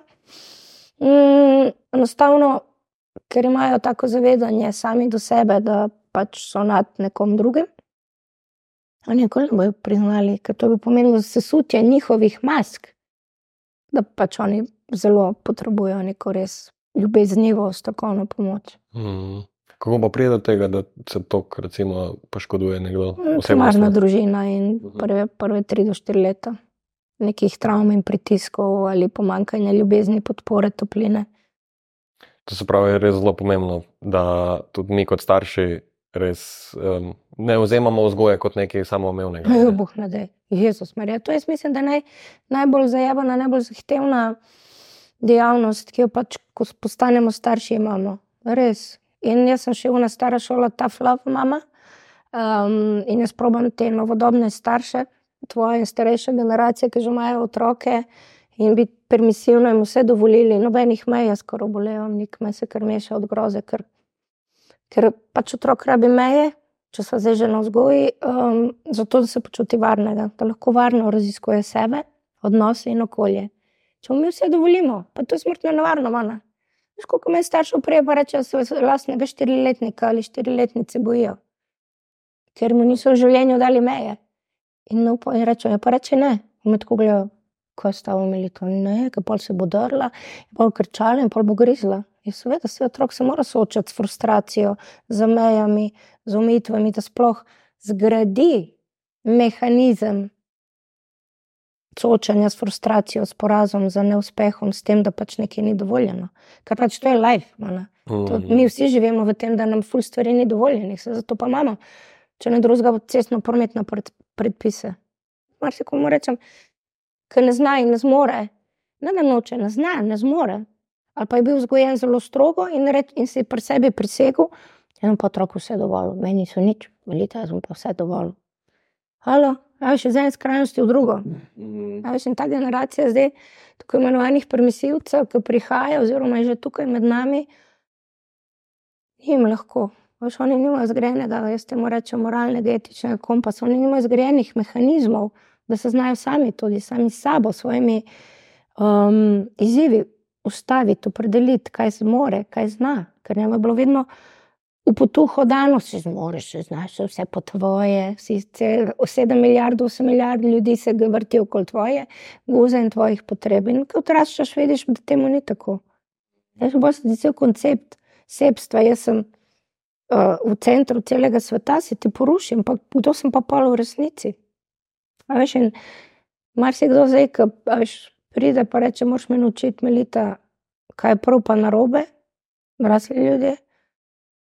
Jaz točno vem, rečem, tebi je bilo posedovoljeno v otroštvu. Reče, kako veš, jaz to, ker to je tipičen stavek. Permisivno poškodovanih posameznikov. Tako da jaz res pozivam starše, seveda, neskončne količine ljubezni, podpore, razumevanja, pogovora z otroki. Um, seveda, meje in zahteve. Se mi zdi, da je zelo pomembno postaviti eno distinkcijo med uh, permisivno vzgojo in ljubečo vzgojo. Ne? Ker ta tough love, to se mi zdi en, en ekstrem tega tough love, je to, da, da če imaš ti, če otrok, ne vem, joka v sobi, ga zapreš v sobo, ga pustiš na joka, se, se bo že z joko. Sicer nimamo otrok, ne morem vedeti, kako je, pa zelo težko sodim, ampak čist iz logike se mi to, to ne zdi najbolj zdravo. Um, in se mi zdi zelo pomembno, da, imaš, da ti otroku izkažeš to ljubezen, pa da, da, veš, da mu pokažeš, da je varen, da, da je vse v redu, da si tam. In mu dovoliš njegova čustva in ja. njegove reakcije, da jih živi, da se izjoka, ker seveda še nima zgrajenega mehanizma kontrole nad svojimi čustvi in odzivi. To gradi skozi kaj izkušnje, skozi to, da mu damo prostor in čas, tukaj sem, meči se po tleh, gledam, da se ne udariš preveč. Razumem tvojo bolečino ali pa to, da hočeš nekaj doseči. Še vedno je ne, tukaj sem. Ja. Ljubim te, počakam. Se to ne, meja je pa nekaj čist drugega. To, to, da recimo prideš v trgovino, pa se začne metati po tleh, da bi imel to igračko, pa si pol tako pa rečeš, naprimer, prvo ne, pa pa rečeš ja, za samo zato, da se ne dere, ne, to je pa ne, nekaj drugega. To je najbolj grozovitega, kar lahko narediš. To pomeni, da je otrok se uh, pospel na tabo. Se pravi, rekel si ne, če bi ustrajal na ne, otrok ponotranje, da to je ne. Oziroma, naredimo z otrokom dogovor. Jaz sem imela ščirko, eno stvar, eno majhno stvar vzemi. Samo se odloči, pa je valjda prinesla dve, tri. Neka ljubezen, naj dogovor je bil ena. Samo se odloči, kje dve boš nesla nazaj. Ja. Ok, 3 minus 2 je ena, eno imaš. Mjav, mjav, mjav, vse kar ljubezen, tako smo se dogovorili. Mjav, mjav, mjav, vse kar. Ok, bova, dokler ne obneseš nazaj, ena ti je pa dovoljena, pa pa še. Ko sem sprijazna, ti je nadovoljiv. Mami. Tako, te, Ja. stvari lahko tudi fulna, na en humor, lahko Mm. obrnemo. Ja. Hm, ful dobro. V partnerstvu, part, mogoče da se vrnemo nazaj na partnerstvo, ampak da povežemo zdaj malo te dve, uh, te dve, te, te dve tematiki. Ful je lažje graditi odnos, ko nimaš otroka. Mm. Ne? In ga, ga, ga negovati in biti v oblakcih, pa vzpostavljati ta, ta peti jaz, ne? ker nimaš skrbi, kje bo kdo. Ja. Kot sem rekel, jaz nimam otrok, tako da si ne morem niti predstavljati, kako je, ko imaš otroke. Ampak si predstavljam, da je zelo težje ta odnos obdržati na takem nivoju, kot je bil prej. A se da to, a je to um, mission impossible, ali kako? Kakšne so? Ok, lepa vprašanja, ja, ful uživam. Uh, hvala. Um, jaz sem že veliko člankov na to temo napisala in namreč, ja, iz te dvojine, ko se otrok rodi in postane trojina, je potrebno biti res ful, ful ozaveščen in dejansko biti mm, zavedajoč se, da ko smo mi dva, dva, je ta najna dvojina. In sva navajena na drugega, funkcioniramo, se pogovarjamo, se vzamemo čas, za ovo, ono, potujemo sem tam. In jaz mnogo krat rečem, to se boš režil, um, da je fajn, ko par uh, zanosi, da dejansko prek meni, da jo naučim, kaj se bo dogajalo po rojstvu otroka. In marsikdo celo pride, veš. Jaz sem fulj ponosen, ali zančem prijatelju, ki sta zvedela, da sta noseča. Je on rekel, da je draga, greva mi dva kmeliti, on že prej sam hodil. Ker ker bi rad, da pač naj malo upremi, kaj se bo zdaj v nosečnosti dogajalo, ko boš tečna, pa to, pa ker ti mogo po polnoči en kumarce iti na petrol iskati. Um, pa kaj bo potem? In dejansko, in jaz doskrat, veš, te moje noseče pare razložim. Okay, ker se bebica rodi. Se ženske pač po naturi povežemo zaradi veš, tega oksitocina z otrokom, se pravi, zadovoljujemo v času eh, laktacije, torej dojenja, potrebo po bližini z dojenčkom. Ja? In se, prej, ko smo bili v dvojini, smo oksitocin, se pravi hormon povezovanja, bližine, zadovoljevali z našim moškim, skozi seks. Ja, bližino, objeme in tako naprej. In po defaultu moški več, več tisto pol leta, recimo, rečva, je tako, a srce, že vodijo. In je fokus na bebico. Tretje kolo. postavi. Ja, jaz on bo priden, on bo, on bo privijal, bo pomagal, bo da, šel na sprehod, da se draga naspi, tako, tako, tako. To vse je lepo, ležit, fino, fajn. Jaz govorim zdaj o partnerskem odnosu, ne, kar si me Ja. vprašal. In zaskrat veš te stvari, neke te rečemo zakonitosti razložim in veš moj pari še takrat noseči je tako. Ja, v redu, mi dva bova drugače, ne, ne, mi dva bova. Tako kot prej, plus dojenček. Veš, kolikrat se zgodi, vse jaz se sem smejem, mislim, tako so fulušni. Valjda, ki pride po treh, štirih mesecih z dojenčkom v lupinici, jaz imam lupinico dojenčka na mizi, eh, božam, zdaj sem obožujem te mulerijo, da ne božam, no. In tako me ti vedno prosim, rekel, ne, ne, ni to, da imam jaz vedno prav, ker sem vam razložila, pa ste se mi režala, da pretiravam. To so bova rekla naravne zakonitosti, ker pač postanemo ne samo zdaj iz, iz zgolj vloge partnerjev, postanemo starši, ampak še vedno pa smo partnerji. In meni je zelo žal, ko večina parov, ki dobista otroka, pozabite, da sta bila partnerja. Pozabite, da sta partnerja. Jaz vedno rečem, primarna vloga v dvojini je partnerstvo, partnerski odnos. Sekundarno je, ko se rodi otrok, smo starši. Z teh otrok ne bi bilo, če mi ne bi bili partnerji prej. Alo, me se tem matematično, analogično. In uh, S tem tudi pokažeš otroku, kaj je par. Pa točno, pa ljubezen, pa naklonjenost. In je seveda za žensko več velik napor, ker smo primarne v tej simbiozi z dojenčkom in uh, tem zavedanju, da pač na, na en način brez nas uh, bi težko otrok, seveda bi preživel, ampak veš, ne, sploh smo orientirani k dojenčku, ker mislim, da je narava to izjemno fantastično naredila. Ampak pri tem vedno rečem, da je vseeno kakšno miligram energije časa posvetiti našemu moškemu. Moškim dajem pa vedno za nalogo, da je tudi, ko vidiš, da je tvoja draga sama sabo, se ji zdi, da je najbolj grozna, najbolj debela, najbolj raštelana, pobruhana, neprespana. Z mastnimi lasmi, ne stuširana že dva dni, ni jedla tri dni, ker sem tam malo, tam malo, tam malo, tam malo. Še vedno, ej, pomagaš, kolikor lahko. In prosim, ženske, da ne odrivate svojih moških pri tej pomoči, veš, ko imaš si katero, bom jaz, bom jaz, je mir, bom jaz. In ti ne znaš, ti ne znaš. To pa se ne sme delati. Ne? Tukaj je še vedno partnerska dvojina, mi dva kot partnerja si pomagava pri skrbi za najno dete. Ampak na gonsko zgleda, neke ženske si kar prisvojijo več tega otroka in to res polnijo kaj za partnerski odnos. Ker potem on se utujuje, on jaz res nisem na njej na otroku potreben ne ustraja dovolj na primeren način, da bi njo zbudil, marsikatera pa niti sploh noče se zbuditi. Školiko je parov, ko ona z otrokom spi v spalnici, njega, je selila na kavč ali pa ne vem, otroško sobo. Grozovito, mislim, groza. No, in da se vrnem nazaj. In je ful, fajn, da pač novo pečena očka zna pomiriti to svojo razštelano gospo. Srce vidim te, meni si še vedno lepa, še vedno mi dišiš, še vedno si moja, obožujem te, ljubim te, vidim te. Tudi če sama sebi se zdi, tako kot sem prej naštela, vse kot pa poželjiva, lepa ženska, vse, vse ostalo. Veš, mislim, tudi iz prve roke ti lahko povem, da si ne prespan, spodočnjaki, da sem si nesrečen v smislu, ker si nemočen, ki ne veš, kaj to dete zahteva, rabijo tebe. In joka, vse mu daš, ono joka, se ne veš, a bi si kar se živce vam potegnil, kar vratno žilo vam potegnil, veš. In si dejansko včasih na robu moči in energije, zato je toliko bolj potrebna ta dejansko podpora tega moškega, ki je postal oče in to, da mi, ko postanemo mame, še vedno znamo se zavedati, ampak jaz sem še vedno ženska temu moškemu, želim biti, potrudim se.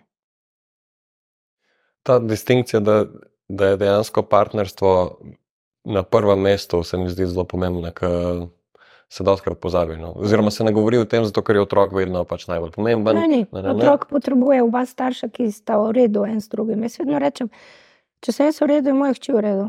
Če imamo v redu, je otrok v redu. Če je fotor ok, je otrok v redu. Če sta ona dva skupaj v tej zdravi partnerski odnosnosti, je to največja možna dobrobit za otroka. Ne, da si en od staršev vlasti otroka ali pa kakšne babice, detki, kar se tudi dogaja včasih.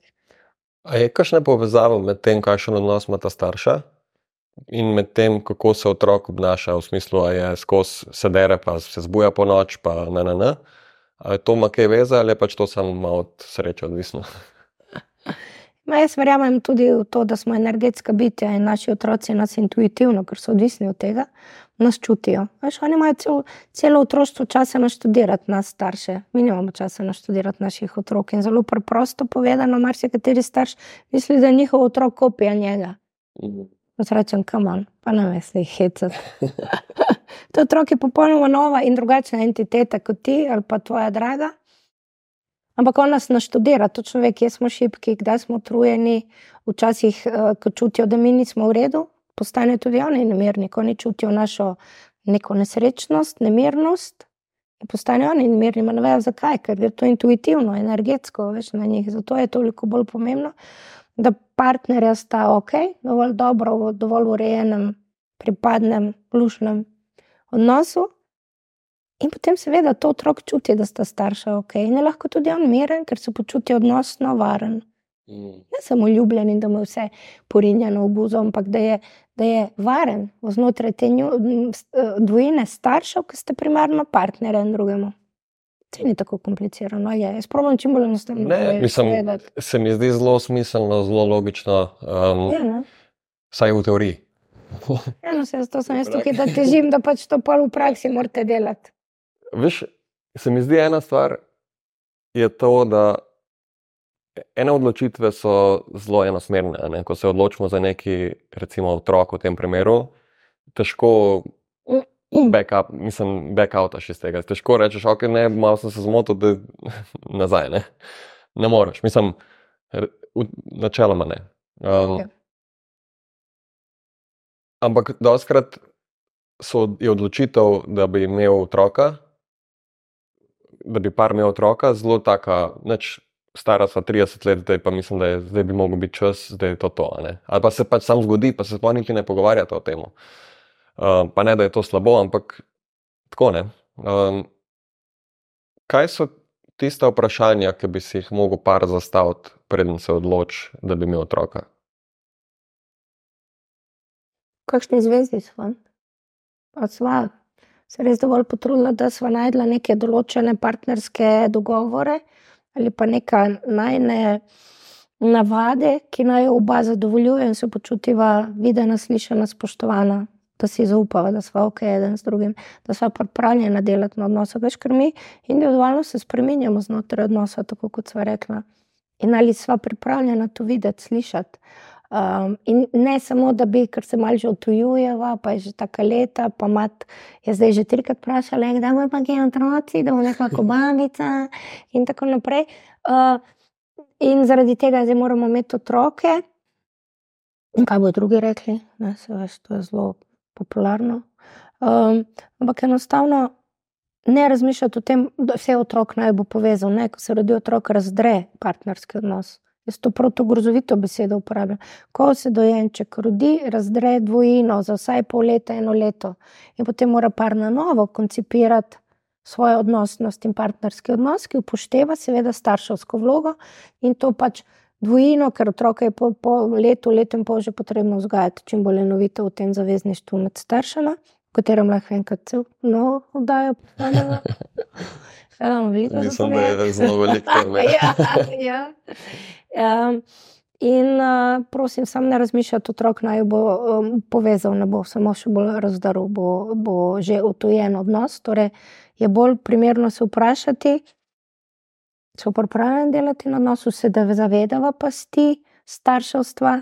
Vse to je nekaj najbolj čudovitega. Res je, jaz sem neizmerno vesela in srečna in ponosna, da imam svojo hči, da je del mojega življenja, čeprav odrasla ima svoje življenje in tako naprej. Uh, ampak to je pač neko tako, to je tako neskončna, brezpogojna ljubezen. Zakaj bi si jo mogoče prikrajšali, ampak kaj, zakaj, kdaj, kako. Veš, odgovorov na to pravzaprav niti ni. Smo različni. Mm. Včasih sploh ne vemo, zakaj bi imeli otroka. Da je to tista krona najne dvojine, seveda, zakaj ne. Ampak je treba vedeti, katere so pasti, ki sledijo iz dvojine v trojino. Hmm. Majlošno, vse se da, če smo pripravljeni kaj garati na odnosu, biti sočutni, potrpežljivi, strpni, spoštljivi si vzeti čas, posvečen čas, spet graditi na novo partnerski odnos, upoštevajoč še ta dodatni segment, nove izzive, izzive vzgoje in tako naprej, ima se vse da. Veš, kaj opažam zadnje čase, da je doskrat mogoče celo obratno, da si moški v zvezi želi otroka bolj kot ženska. Mm. Se mi zdi, da okay, eno je, ko pride do recimo te starostne razlike, ko je recimo ženska še v njem zgodnih ali pa zgodnih 20-ih ali pa recimo nekih srednjih 20-ih, pa moški v 30-ih. Um, druga stvar je pa, po mojem, tudi to, ja, da vsaj ko se jaz pogovarjam z, recimo, z, z kakšnimi mojimi prijatelji, je to, da ženski manjka ta neka varnost, pa, um, ampak varnost v obliki tega, da je moški zna biti ranljiv, pa zna biti čusten. To, kar smo v bistvu dejansko nekako sklenili krog, kar smo se na začetku pogovarjali. Ja, ne vem niti v bistvu, kaj sem hotel tle vprašati, ampak tako se mi zdi, da je to neka taka stvar, ki se mogoče v preteklosti ni tako dogajala, pa se zdaj bolj. Imáš kakšno razlago za to? Ja, včasih, veš, še 30-40 let nazaj se ni spraševalo, zakaj bi imeli otroke. Ja, bi pač po defaultu pač imamo nekako. Ne? Zakaj se tudi rodna doba, recimo tudi v Sloveniji, prvorodnic že, ne vem, mislim, da še na 34-35 let že premika, da prvič rodijo. Zato, ker smo postali, veš, toliko emancipirane, v smislu, hočemo šole narediti, hočemo imeti neko kariero, biti finančno neodvisne, samostojne, ne vem, mogoče svoje stanovanje, svoj avto in tako naprej. In potem poda, teže se prilagajamo ne, nekim drugim zahtevam in temu, da je pač potrebno se zavedati, garati, delati na odnosu z, nekim, ne, z moškim oziroma partnerjem.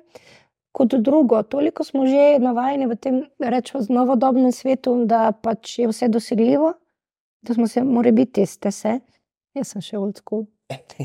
Uh, toliko razvadili in na en način vse mi je dosegljivo, sosedem na avion, sem čez vem, 15 ur na drugem koncu sveta, tega ne morem, če imam otroka. Mm. Če je koncept moje svobode, se mi podre. In podobne, eh, kar jaz dejansko podobno sprašujem, recimo tudi moje stranke. Uh, ravno zadnjič ena lušna 30-letnica, sta poročena, gradita hišo, fajn se mata, ampak otrok pa ne boste imeli, pa jaz tako izkorizijo kuriozitete ja, in pa kaj no, zakaj ne? Ja, kaj s tabo?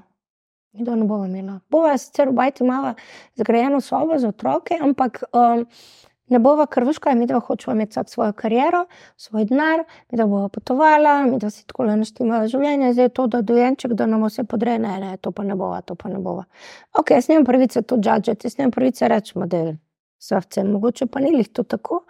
Jaz, kar sem, sem čisto z tega strokovnega vidika povedala, ok, no, to je vajna odločitev. Um, sem toliko veš, rodna doba in tako naprej, mogoče še v njih 5-6 let. Kasneje, ko si jaz tudi pri sebi vidim, sem pa malo manj kot 30 let rodila, tako če imaš nekaj energije, pa nekaj volje, pa se pa tudi sam sebe postaviš spet na nove noge, da si ženska in partnerka in starš in mama. Pač enostavno pa vedno manj imaš energije. Se veva, dan danes s pomočjo tehnologije in medicine lahko delajo že, pr, še pri 50-ih. Jaz ne vem, če to najboljše in najbolj zdravo za otroke, z vsem dolžnim spoštovanjem. Ja. ja, zelo je taka odločitev, ki je ena, ena redkih odločitev, je, ki je omejena res časom. Ja, ja. In ker hišo si lahko zagradiš, kad rečeš, ja, pa če vse ena. Tle je pa lahko zelo. In ja, mogoče je to, kar mi zavlačujemo z lifom, s tem, ko gremo na šole, pa na NN, pa karijera, pa vse to se mora prej zgoditi, preden imamo mi otroka. In je dejansko teh 35 let, koliko imamo mi recimo nekega naravnega časa za to, ali pa že, imate ženske, predvsem, moški, mogoče ima malo več fore. Ja. Um, ampak spet, če gledaš iz vidika energije, ni res, je, je približno isto. Um, ja, ker se to zavlačuje in ne uspemo živeti tega z nekega svojega lajfa, plus gledamo na socialnih mrežah, kako je treba potovati, pa kako je treba tisto tretje.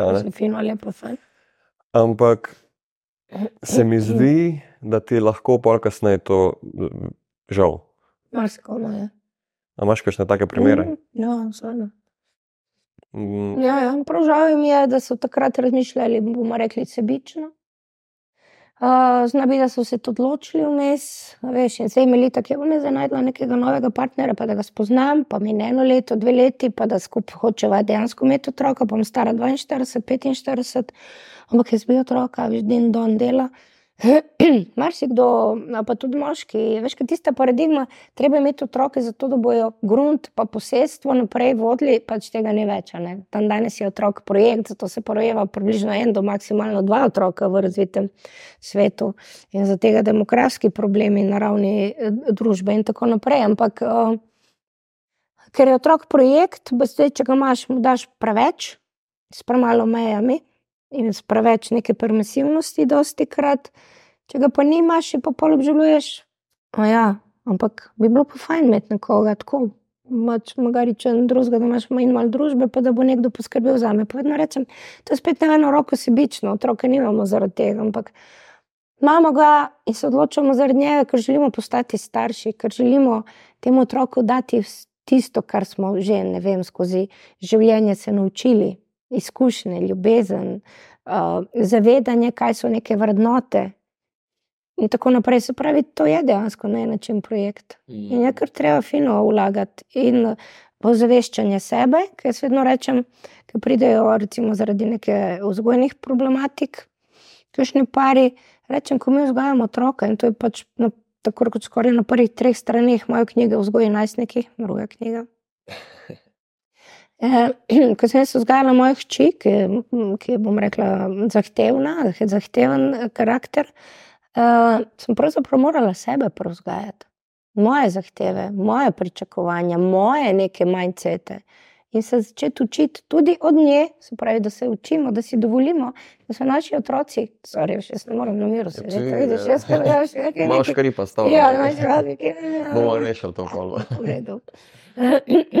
In je treba, veš, tudi to, kar so nam starši dali, in nam ni bilo ok v našem otroštvu, če se tega zavedamo, da pač to predrugačimo.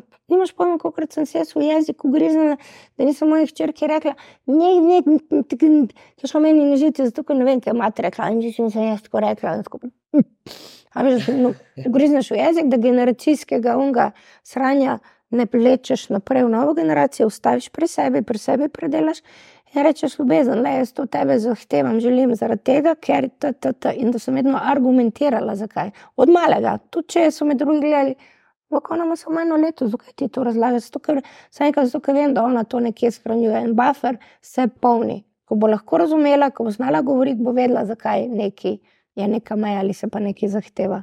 Valjda, kar se je seveda zgodilo kasneje. Mm, Tudi ta energijski del, ne, ker čeprav recimo otrok na začetku še ni ne dojema, ampak s tem, ko imaš, ko daješ ti to razlago in neko dobro namernost za tem, se mi zdi, da se to pol tudi pozna. Ne. Pač Odnos se gradi med tabo in otrokom. Od, vedno, mislim, od, od, od početja, tako rekoč. Ja, Recimo, ko je bila hči, ne vem, v vozičku, par mesecev stara, torej taka, in jaz pa njej razlagam, odprem uno, a veš, prvo vozičku, uno pa rečem, le, nebo je plavo, le, smreke so zelene, luč je siva, in še folk hodil mimo tam na kodelju, veš, pa so tako gledali, če imam prizadetega otroka, veš, da jaz njemu tako razlagam. Bo to že gledal, ampak gospa, dojenček je, pa jaz, ja. Zakaj pa?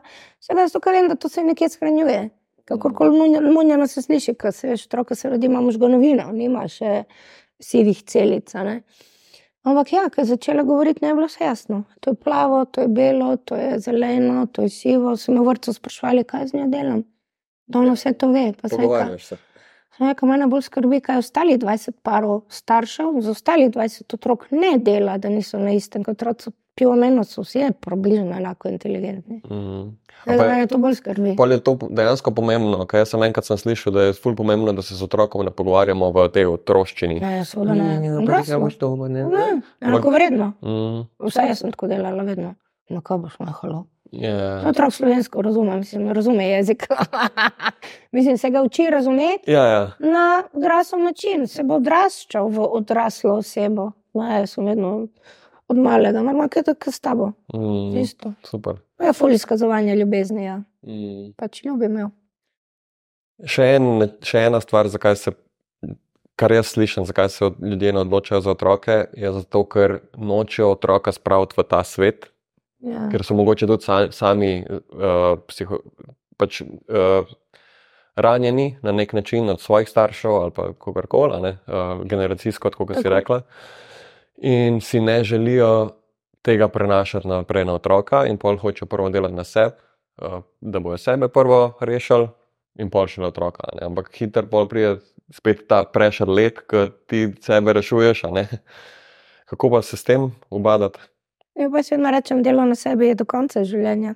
Jaz bom delal na sebi vedno znova in cel čas, ker marsikaj, marsikaterem odnosu, pride do kakšnega triggerja, ki se prvo sama sebi začne v neki lastni introspekciji, če sem iskrena do sebe, hočem biti do tebe in do sebe in do mojih strank avtentična, torej to, kar jaz pričam, v to verjamem, se pravi, kar jaz razlagam, govorim, svetujem.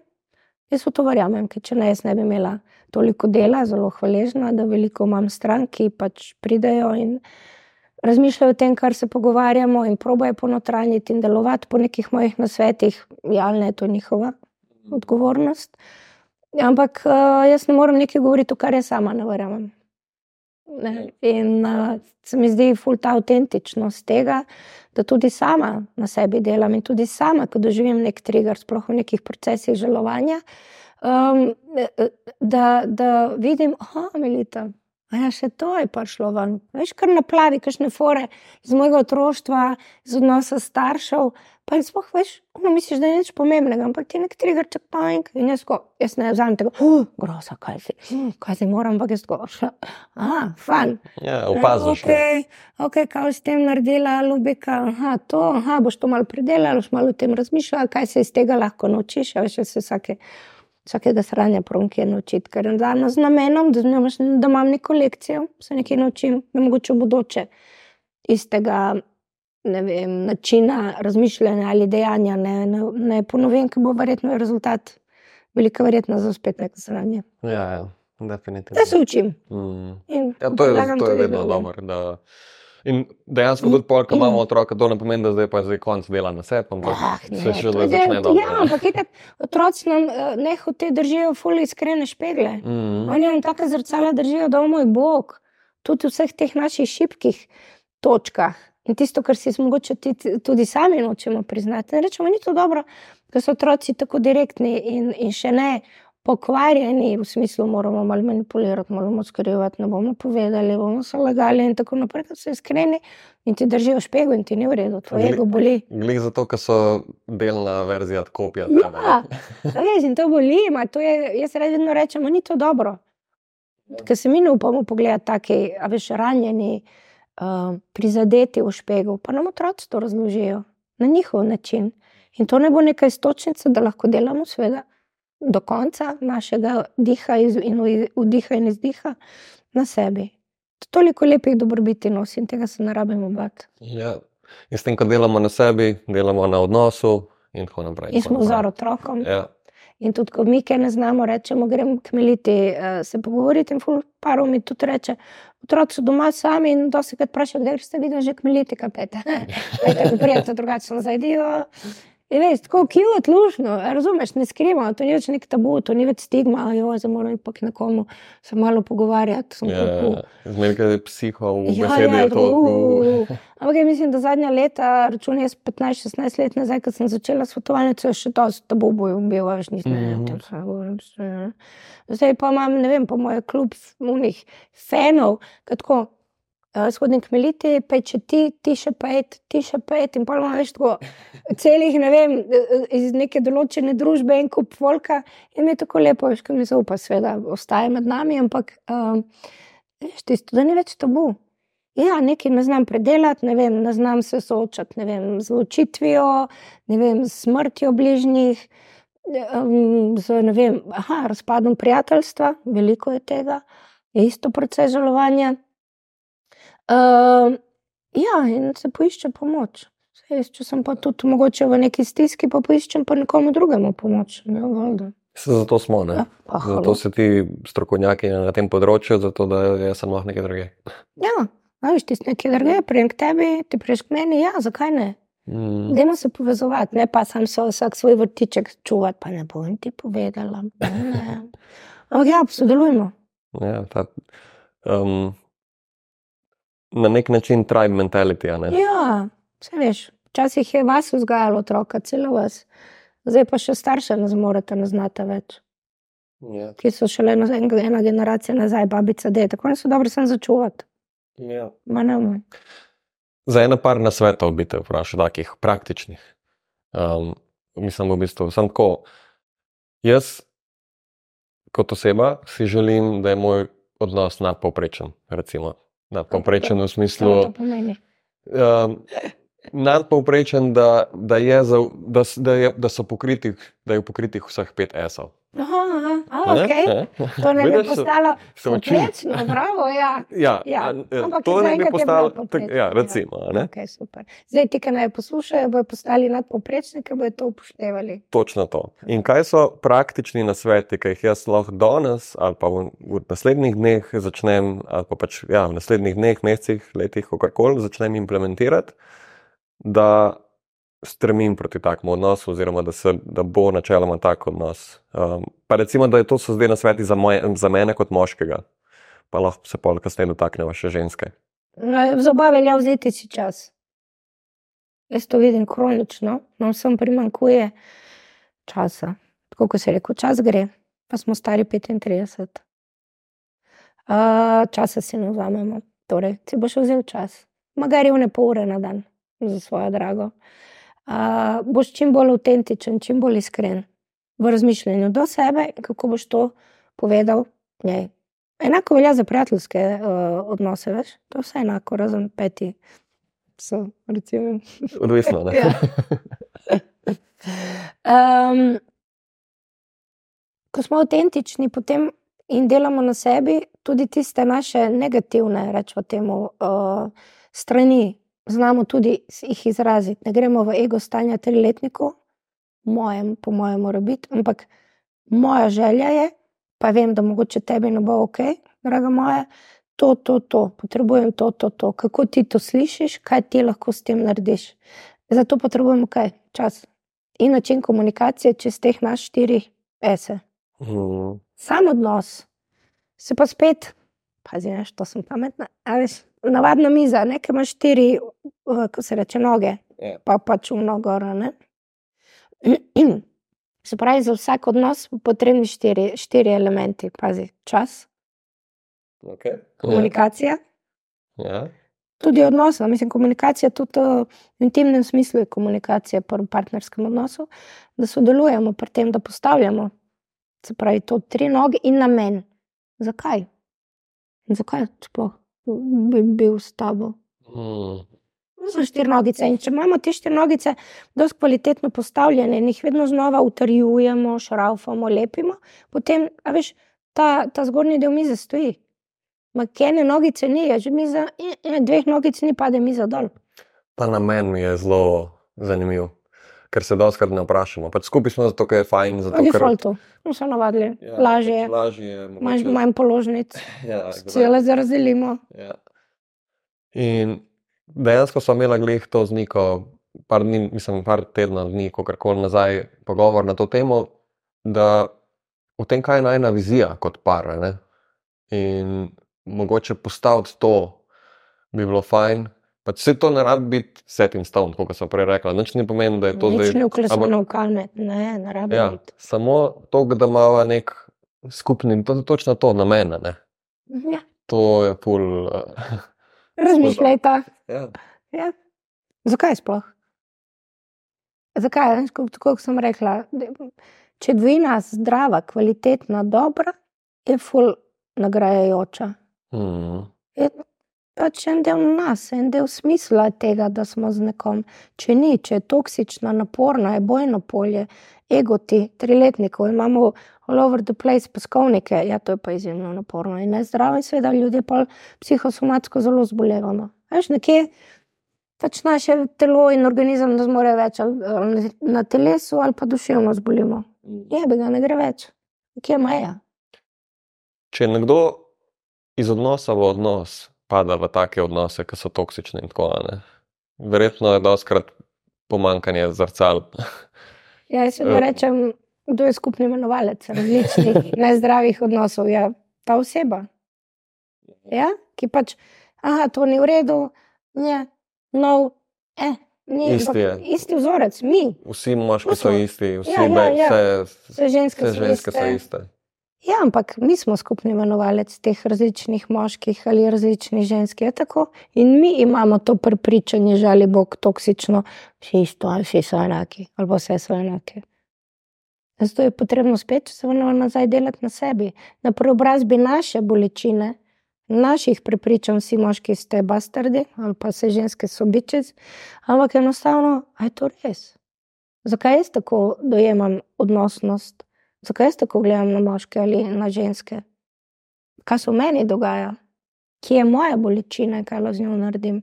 ali pa gremo enostavno in ne naredim nič, gremo vlogo žrtve in pa čisti vzorec ponavljam. In sem bolj jaz vedno žrtev, ker oni so taki ali one.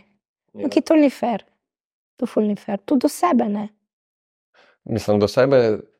Recimo, da ni fair do ostalih, ampak v bistvu sam, sam vse dela škodo. Ogromno, kot sem na začetku rekla, potrebno je delati na tem, da ozaveščamo, da tako kot je bilo, ne rabi biti. Če ni nam ok, povemo. Če pa res neznosno, pa pač gremo. Se nas noben nikamor ne veže, nismo več v tistih časih, ki je bila ženska lastnina moškega in je moški lažno delal, kar je hotel. Tega ni več, vse upam, no, v Sloveniji. Ja. Dajmo se pogovarjati, dajmo izražati te različnosti in, in spoštljivo slišati to. Mm. Veš, ko sem ti predtem začela snemati, povedal za tisti kontroverzen TikTok, ki sem ga objavil.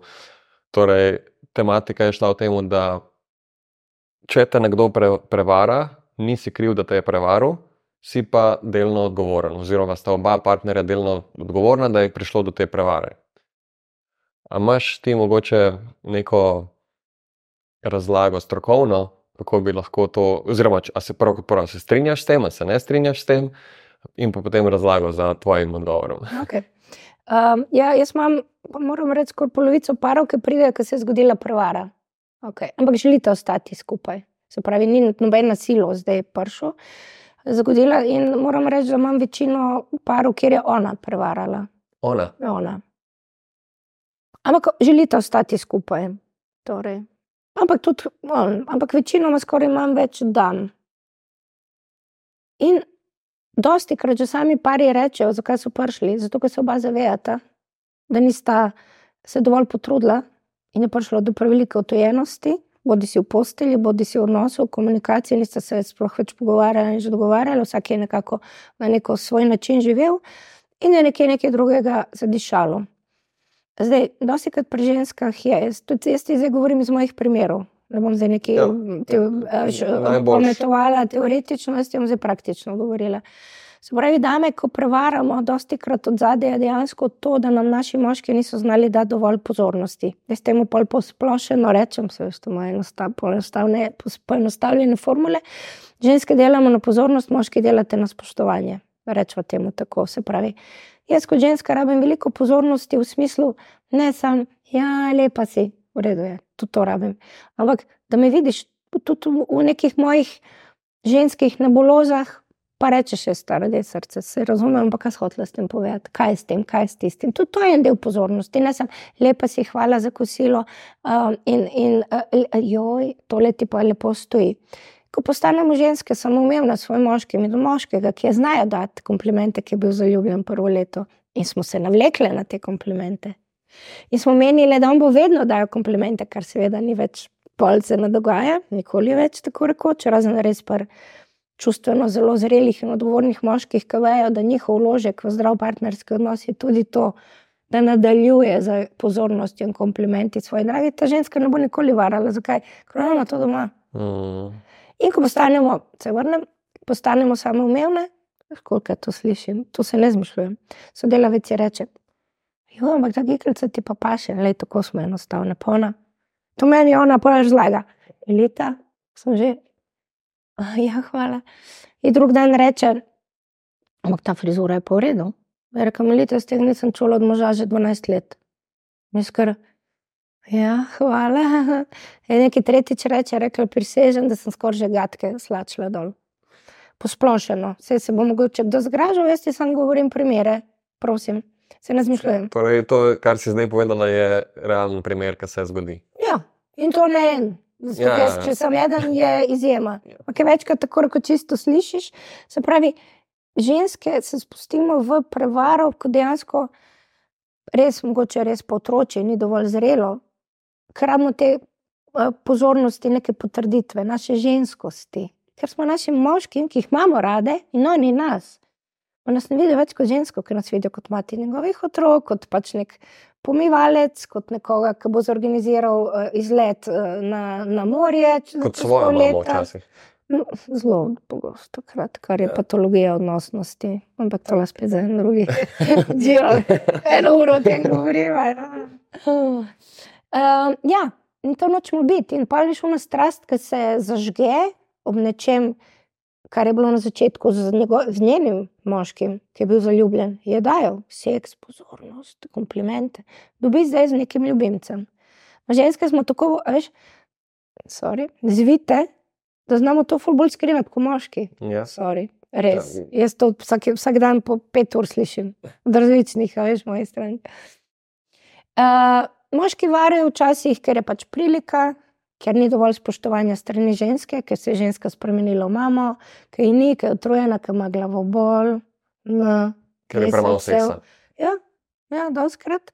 Čeprav zdaj sem zelo ponosna na moške, ki se tega zavedajo in tudi ne grejo prevarati, čeprav vejo, da nekaj ni v redu, ker pač nima ta seksa.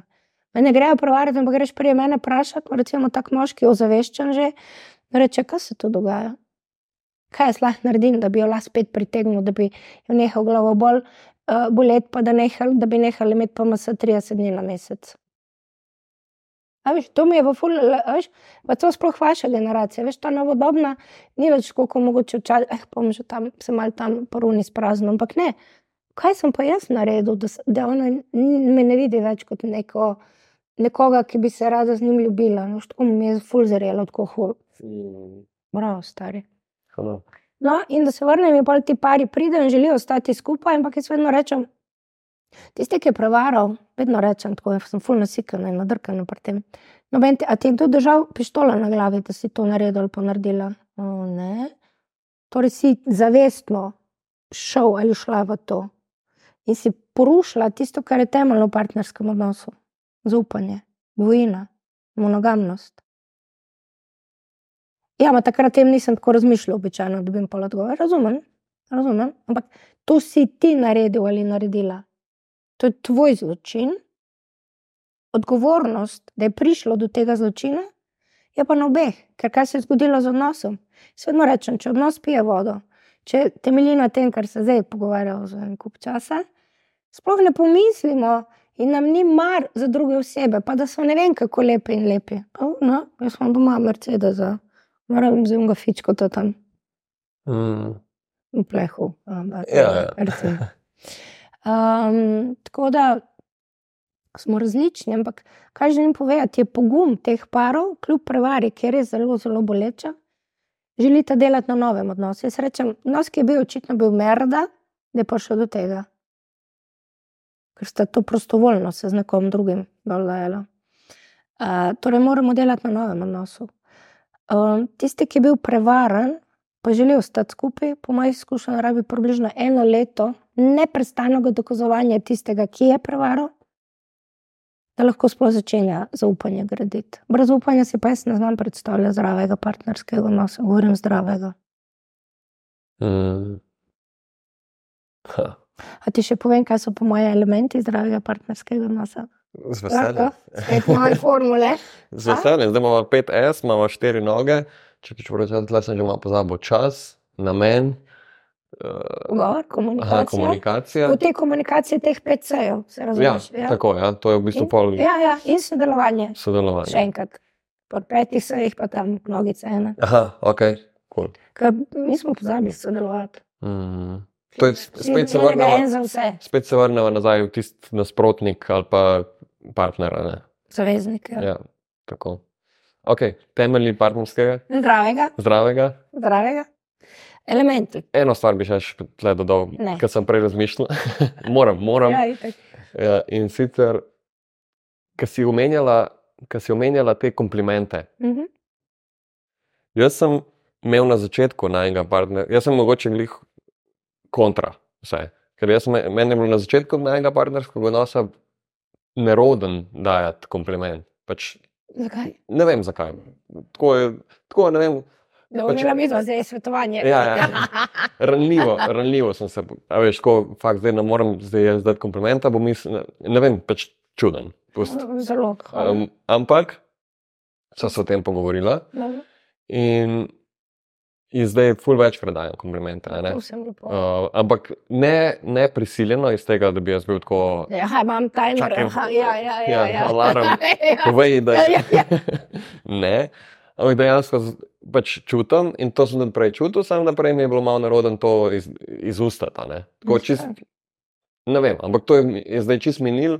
Um, tako, da, tako da ja, se da tudi. Ampak kaj je pa fora? Ona je izrazila željo, da želi imeti več komplimentov. Lepo. Um, in sva se o tem pogovorila. Jaz sem ji tudi povedal, da jaz doskrat začutim, ampak mi je kar malo tako. vem, Pač, mogoče je bilo tudi takrat to, da sem bila tako na začetku odnosa. Jaz sem bil tako, nisem bil čist uh, siguren, da se hočem vezati v nek nov Mhm. odnos, ker je bilo relativno hitro po prejšnji vezi. Mhm. Um, tako naprej. Ampak uh, verjetno je bilo več, fak, več faktorjev tle noter, ne. plus pol ta ranljivost, pa ne, ne, ne. Ampak ja, pol, ko smo se to pogovorila, sem to tudi jaz ozavestil in sem pol vsakeč, ko sem začutil, da bi rad dal kompliment, ga tudi dal. Lepo. Ker pa, pa mogoče, ne vem, tudi ko se pogovarjam jaz z, mojimi prijatelji, Se mi zdi, da, to, da, da nisem s- solo primer tega, da, da je težko dati kompliment, zaradi tega, ker, o, fakt, zdaj bom pa jaz zgledal, da sem, a veš, zaljubljen, pa ne bom jaz polun Nek mačen. slabič, Ja, sopata že karatal. ne. tako. Tako da mogoče iz tega. Sam to sem rekel, Lepo. da moram dodati. Okay, ampak veš, to je spet tisto, kar sem prej uh, uh, razlagala. Ženske rabimo to. Mm. Pač tako je, smo kao ta šipkejši, največ, ampak recimo uh, uh, spol. In rabimo to našo, eh, da vidimo, da pač ta naš moški nas gleda s tistim lepim pogledom. In je bedno, ko vidiš, da vse te lepo gledamo, kjer ne reče nič, tako kot se umijemo. In zakaj moški rabite spoštovanje? Ko sem pa to ugotovila, že meni kar moški doskrat rečejo, da rabijo komplimentamo na drugačen način, ne toliko na zunanjost, lepa si mi, seksi si mi, dišiš, ampak stari hvala, ker skrbiš za me, ker sem ti pomembna, spoštujem tvoje trude, spoštujem to, da toliko delaš. Zato, ker vem, da lahko s tem viškom tvojega denarja, pa s tem mojega, ba ne vem, bo si pa to, pa to privoščila.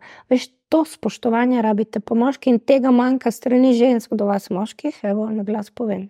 Jaz to tudi dejansko kočem, moje dame, da sem na zadnje ti rekla svojemu dragemu, da ti diši, da ti je še vedno seksi, enako velja. Jaz smo boje enakopravni, enakovredni, enako manj. Je? Boje. Um, in da ceniš, kar se trudi, da ceniš, da je še to probal narediti, da je to predlagal, da je bil tukaj proaktiven. A je to tebi to samo umevno, ti je ne? No, zdaj ti ne bo več, ko boš, mo- ko boš pa op- opazila, da se on tukaj napreza, da ne vem, še to želi spremeniti drugače. Reč, hej, vidim tvoj napor, vidim te, slišim te, pomembno mi je, da želiš to, to, to. Mogoče moj pomislek ta, ta se ve, ženske smo po defaultu bolj, jaz rečem, septične, smo bolj skeptične. Um, mogoče bolj prizemljene včasih, ampak vidim te, slišim te, pomembno mi je, kaj ti zdaj o tem razmišljaš. Mm, zanimivo. Veš, to spoštovanje pa manjka moškim. Ja. Veš, koliko Več moških mi je že reklo, moš kaj, da bo ona meni znala, kaj sprejem po enem zajebanem dnevu domov, me samo objeti, pa na svoje joške stisniti, pa reči, stari, vse bo v redu. Razumem, da si zdaj tečen in nesrečen in neki en projekt ti ni šel čez, ja, jaz sem tukaj za te, v redu je. Rekel pa jaz vse zvezde z nobadol potegnem. Jaz to večkrat slišim. In to manjka, da vi moški dobite od nas žensk. Mm. Z obe strani gre. Ja. Razumeš? Samo različno, na različen način so ti komplimenti in pozornost dani. Več to različni smo. Moški in ženski smo popolnoma, povsem različni. To ni samo Mars, Venera. Jaz ti povem, da smo iz galaksij, iz ene in iz druge, ker sploh še vemo, ne, da so. Z ne vem, kirimi, za katerimi črnimi luknjami. In je to cute, zato ker se lahko spoznavamo in Mm. delamo na tem, na vsem tem, kar so do zdaj govorila. In na tem, kar bom zdaj povedala. Okay. Temelji zdravega partnerstva. ja. Uh, spet, spoštovanje. Koliko jih Smo je? različni, no, ima jih je ja, nekaj. okej. Ja, ja. No, štej. Ampak itak se spreminjajo. Veš. Tako jaz, tako, tako kot se jaz razvijam, pa tako kot jaz nabiram znanja, čisto iz tega praktičnega dela s pari, tako se to spreminja. Tako da, ampak, Ja. ajde, prvih neki tri, štiri postulati so za, za tako, fucking kolesanje. Seven stone. Ja. Ja. Ja. Spoštovanje. Da Smo, in predvsem spoštujemo to, da smo različni, kot moški in ženska, kot encimi v možganjih, kot način izražanja čustev, kot različne vrednote, kot različni um, vzorci iz primarnih družin. To je fulj pomembno, na tem je treba delati, na tem je treba biti čuječ in ozaveščen. Okay? To je pod, to je pod, čuječe na To, zaveščanje. je, to, je, to je pod spoštovanje. Drugač ni spoštovanja. Ja. Veš, Ja, spoštovanje je za mene, da govorimo o meni, to so moje, moje povzetki. Je, je seštevek, je sigma vsega tega, kar sem zdaj povedala.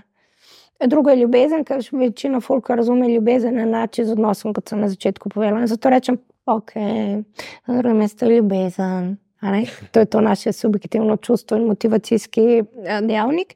Na tretjem je seveda komunikacija. Ne more, a veš, mi, da če bi bila zdaj dve uri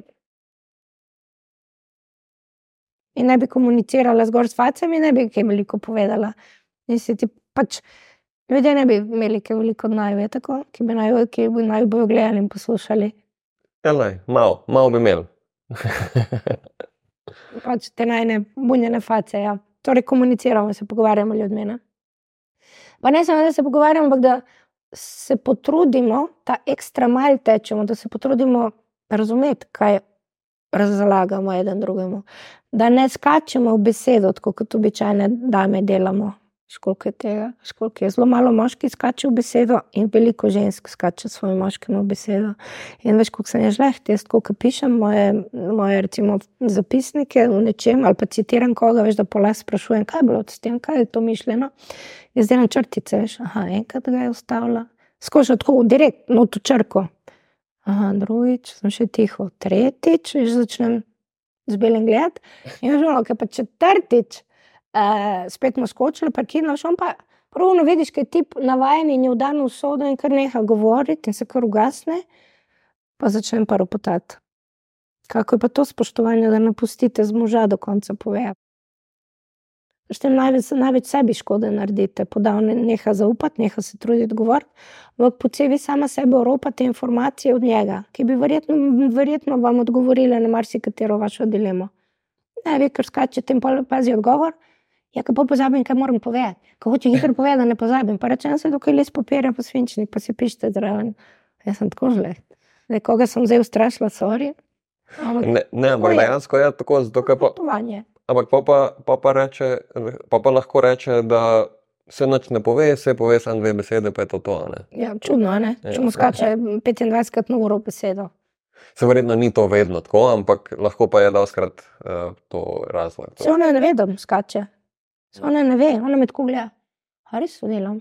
A veš, to mi je pa res on že rekel. Pa sin mi je tudi rekel, kar se vem, sin v zihr tudi skače, tako jo, kako veste. Moškim. No, še nisem raziskala, kam je tako bizarno. Kjer je spoštovanje. Ja. Ja, no, na tretjem mestu je komunikacija, vse to in seveda pod stat komunikacije, seveda seks, intimnost, ker pač je del komunikacije znotraj, govorijo o zdravem partnerskem odnosu. Uh, Eh, potem imamo dve minski polji, um, eno je področje financ, hmm. Kjer je zna biti veliko netransparentnosti, manipulacij, laži, skriven, torej da je urejeno področje financ, da se ve. Koliko je nekega skupnega budžeta, koliko je nekih prihodkov, kakšni so stroški, kako razpolagava z nekimi najnižjimi dogovori znotraj nekega uh, skupnega finančnega načina delovanja, ker mi spet kaj iz primarnih družin prenesemo, kaj spet različne vzorce ja. upravljanja z energijo denarja. Ne pa spet to demo, ne skupno imenovalec, zajemano je to. Naslednji mi je skupaj vzgoja. Jaz sem svoj pogled na vzgojo, ti na svojega. Kako pa mi dva vzgajala na eno otroke? Da prija pol nazaj na unta tretja, ker je ja, komunikacija. Ja, Sveda. In iskanje pol naprej, če imamo kompromisi.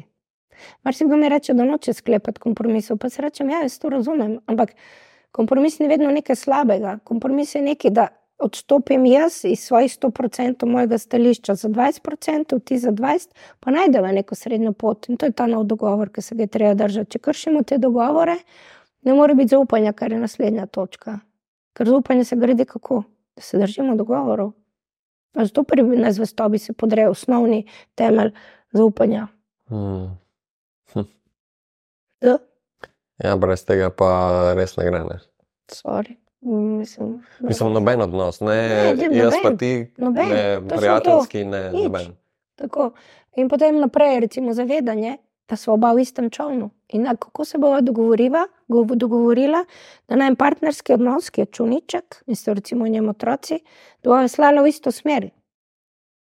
Veš, kolikrat, zakaj se nas uporabljam ta bis, uh, termin čovn? Zato veliko ljudi sploh ne ve, paro, da vas slate en tam, en pa tam. Se ne znate zmeniti, da bi oba v isto smer. Točno to, kar sprej rekel, kaj je vizija, kaj je namen najne dvojine. Ne morete se to zmeniti, se poravnati v čovnu in veslat. Zdaj, če je naprej vesla in pa nazaj, kaj se bo s čovnom zgodilo? Slejka prej se bo raz, raz, raztrgal in otroci bodo tonili. Mm. Torej, pride do ločitve in vsem, kar je s tem povezano. Recimo, um, ja, sodelovanje pri starševstvu, torej minsko polje vzgoje, tukaj da sodelujemo, ne da se miniramo. Potem, uh, da na kak način znamo skupaj uh, neke hobije najti. 21-30% prostega časa je fajn, da zna par skupaj preživeti, da ima neke skupne hobije. Pa da to ni televizija. Prepovedano. ja, to smo že prevedali. To je že- Tega ni tebe eno. Ja, ja, ja, ej, um, malo nam zmanjkuje časa. Ja, ja, aha, okay. Pač čist, uh, jaz bi se pogovarjal še, imam tematik še dosti. Je spali par tudi jih- nazaj na svetovanje. Ja. Par smo jih že skoraj odprla, pa smo rekli naj drugič. Um, imam pa še eno zadnje vprašanje za te. Ja, in sicer jaz pripravljam z vsemi mojimi gosti na podkastu, pripravljam eno tako, nek, jaz temu rečem, ultimativni seznam knjig. Aha, okay. In vsakega gosta vprašam uh, za top tri knjige, ki, jih, ki jih je on prebral, oziroma ona prebrala, in so ji na nek način spremenili ali pogled na svet ali za življenje, kako koli. Pač zelo take um, knjige z velik um, učinkovitosti, oziroma kako koli. Tako da me zanima tvoja top ena. In ostale dve mi boš povedala kasneje, in bojo dobili pa na mail. Ja, tako. Tako, ja. Mislim, zdaj, da bi bile prav, meni so veliko dale, ker sem brala do, v srednji šoli, pa sem pa začela žurati, pa sem pa začela študirati, pa, pa je zdaj sem še čas za bolj strokovno literaturo.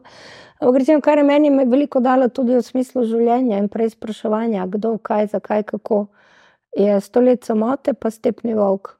Sto let samote, pa Ja, pa, pa Heseja, stepni volk. Ja, ampak veš, to je iz tistih časov mojega odraščanja in formiranja osebnosti. mm, A veš, vse naj sem bila neka upornica, veš, punk, nihilizem, take stvari. In um, ta del me je recimo na en način dosti definiral. Tudi v tem, kako uživati v življenju. Veš, ker sto let samote od Markeza je, je magični realizem. a Veš, je realizem je v resnici domišljijski. mm. Je tako, zakaj ne bi uporabljali domišljijo v življenju? Vse ni vse tako grozno, um, težko, da je te mu- mukotrpno. Je lahko tudi fun, je lahko zabava, je radost, je veš, neko doseganje miru v srcu skozi vse neke naše procese. In to ti daje fuleno zavedanje, da si kul cool v lifeu. Pa če se uživamo v življenju, meni je ful lepo. Tudi, ko prija, kaže, ja, tudi, ko prija, kakšna jeba, kakšen izziv, kakšen težek trenutek, je tako ok. Stara moja, kam si ti iz tega za naučiti? Veš, zato sama sebe sprašujem. Pa jaz sem že tako, uh, grozno, ampak dobro, mi ok, boli me. Mhm. Kaj s tem naredila? Kaj se iz tega naučila? Veš, tako jaz na ta ljubeč način vzamem. Jaz to mi verjetno life lep. Hvaležno, hvaležno, hvaležno. Trk, trkam. Ful dobr. Ej, ful ti hvala za ta pogovor. tebi. Meni je bilo ful dobr. Um, Ja, enako. torej, kje te lahko ljudje najdejo? Svetovalnica? Ja, pač svetovalnica.si, gor imate podatke o meni, pisarno imamo v BTC-ju, tam zraven um, m, te m, Hale 2, pač tam se ni panike, se je vse narisano, napisano. Uh, ja, poklicati me treba se do, za termin zmeniti, pa tam približno 3-4 tedne treba čakati. Pa to marsikdo um, mogoče zamenjuje z nekimi psihoterapevtskimi praksami, kjer običajno mora klient enkrat na teden hoditi, ne pri meni se, ker je svetovanje in ful težim in dajem naloge in tako naprej. In neke evaluacije delamo, uh, enkrat na mesec se k meni hodi. Tako da ja, veš, da imajo, da imajo stranke čas v realnem življenju, v realnih odnosih uporablja to, kar se recimo učimo oziroma kar jim dam. Zdaj teden v teden je premalo, ne moreš, niti ne moreš se vdahniti od mene, kaj še lepo skozi neke realne primere uporabiti neke moje znanja, tehnike, veščine, ki jih dajem. Ja. In v tem času vmesno lahko pa tvoje knjige preberejo. ne? Ja, tako, ja, le, evo, hvala. Ja. Jaz sem zelo pozabim, ja, pet knjig in prva je iskreno. Vidiš, jaz sem celo na slovih iskreno partnerstvo, bodimo iskreni, Ja. ja. bodimo avtentični, nimamo kaj svaliti. Mislim, nimamo kaj izgubiti. Vse ostale muljanje, manipulacije, leži, to ful izgubljamo energijo, časa in nismo avtentični. In pa se mi spremenimo v neke lažnive. Zase delamo Tvorbe. škodo, ne? Sebi delamo škodo, hvala. ne drugemu. Ja, vse primarni odnos je do sebe, ne? kar opisujem v četrti knjigi. Torej, prva je iskreno o partnerstvu, iskreno o otrocih in najstnikih, iskreno o intimnosti, celo knjiga o seksu. Iskreno o osebni rasti, ta je full bestseller, tudi bila in še vedno se full prodaja. In iskreno o družinskih odnosih, to so pa vsi ostali odnosi s taščami, mamami, starši, sodelavci in tako naprej. Tako da, ja, jaz uživam svoj. Mislim, jaz sem našla v tem svojem svetovalnem delu dejansko moje poslanstvo in sem full hvaležna. In sem hvaležna za vse vas, ki, s katerimi lahko tvorim ene lepe, ljubeče, pristne odnose. Tako to je s tabo. Hvala, Nik. Ej, hvala tebi. Um, Hvala. to je to. Ja, Mislim, da boš še kdaj prišla. ja, z veseljem. Okay, lahko to povem, milijon. Zakon, super. Hvala. Hvala ti. Se vidimo. Hvala.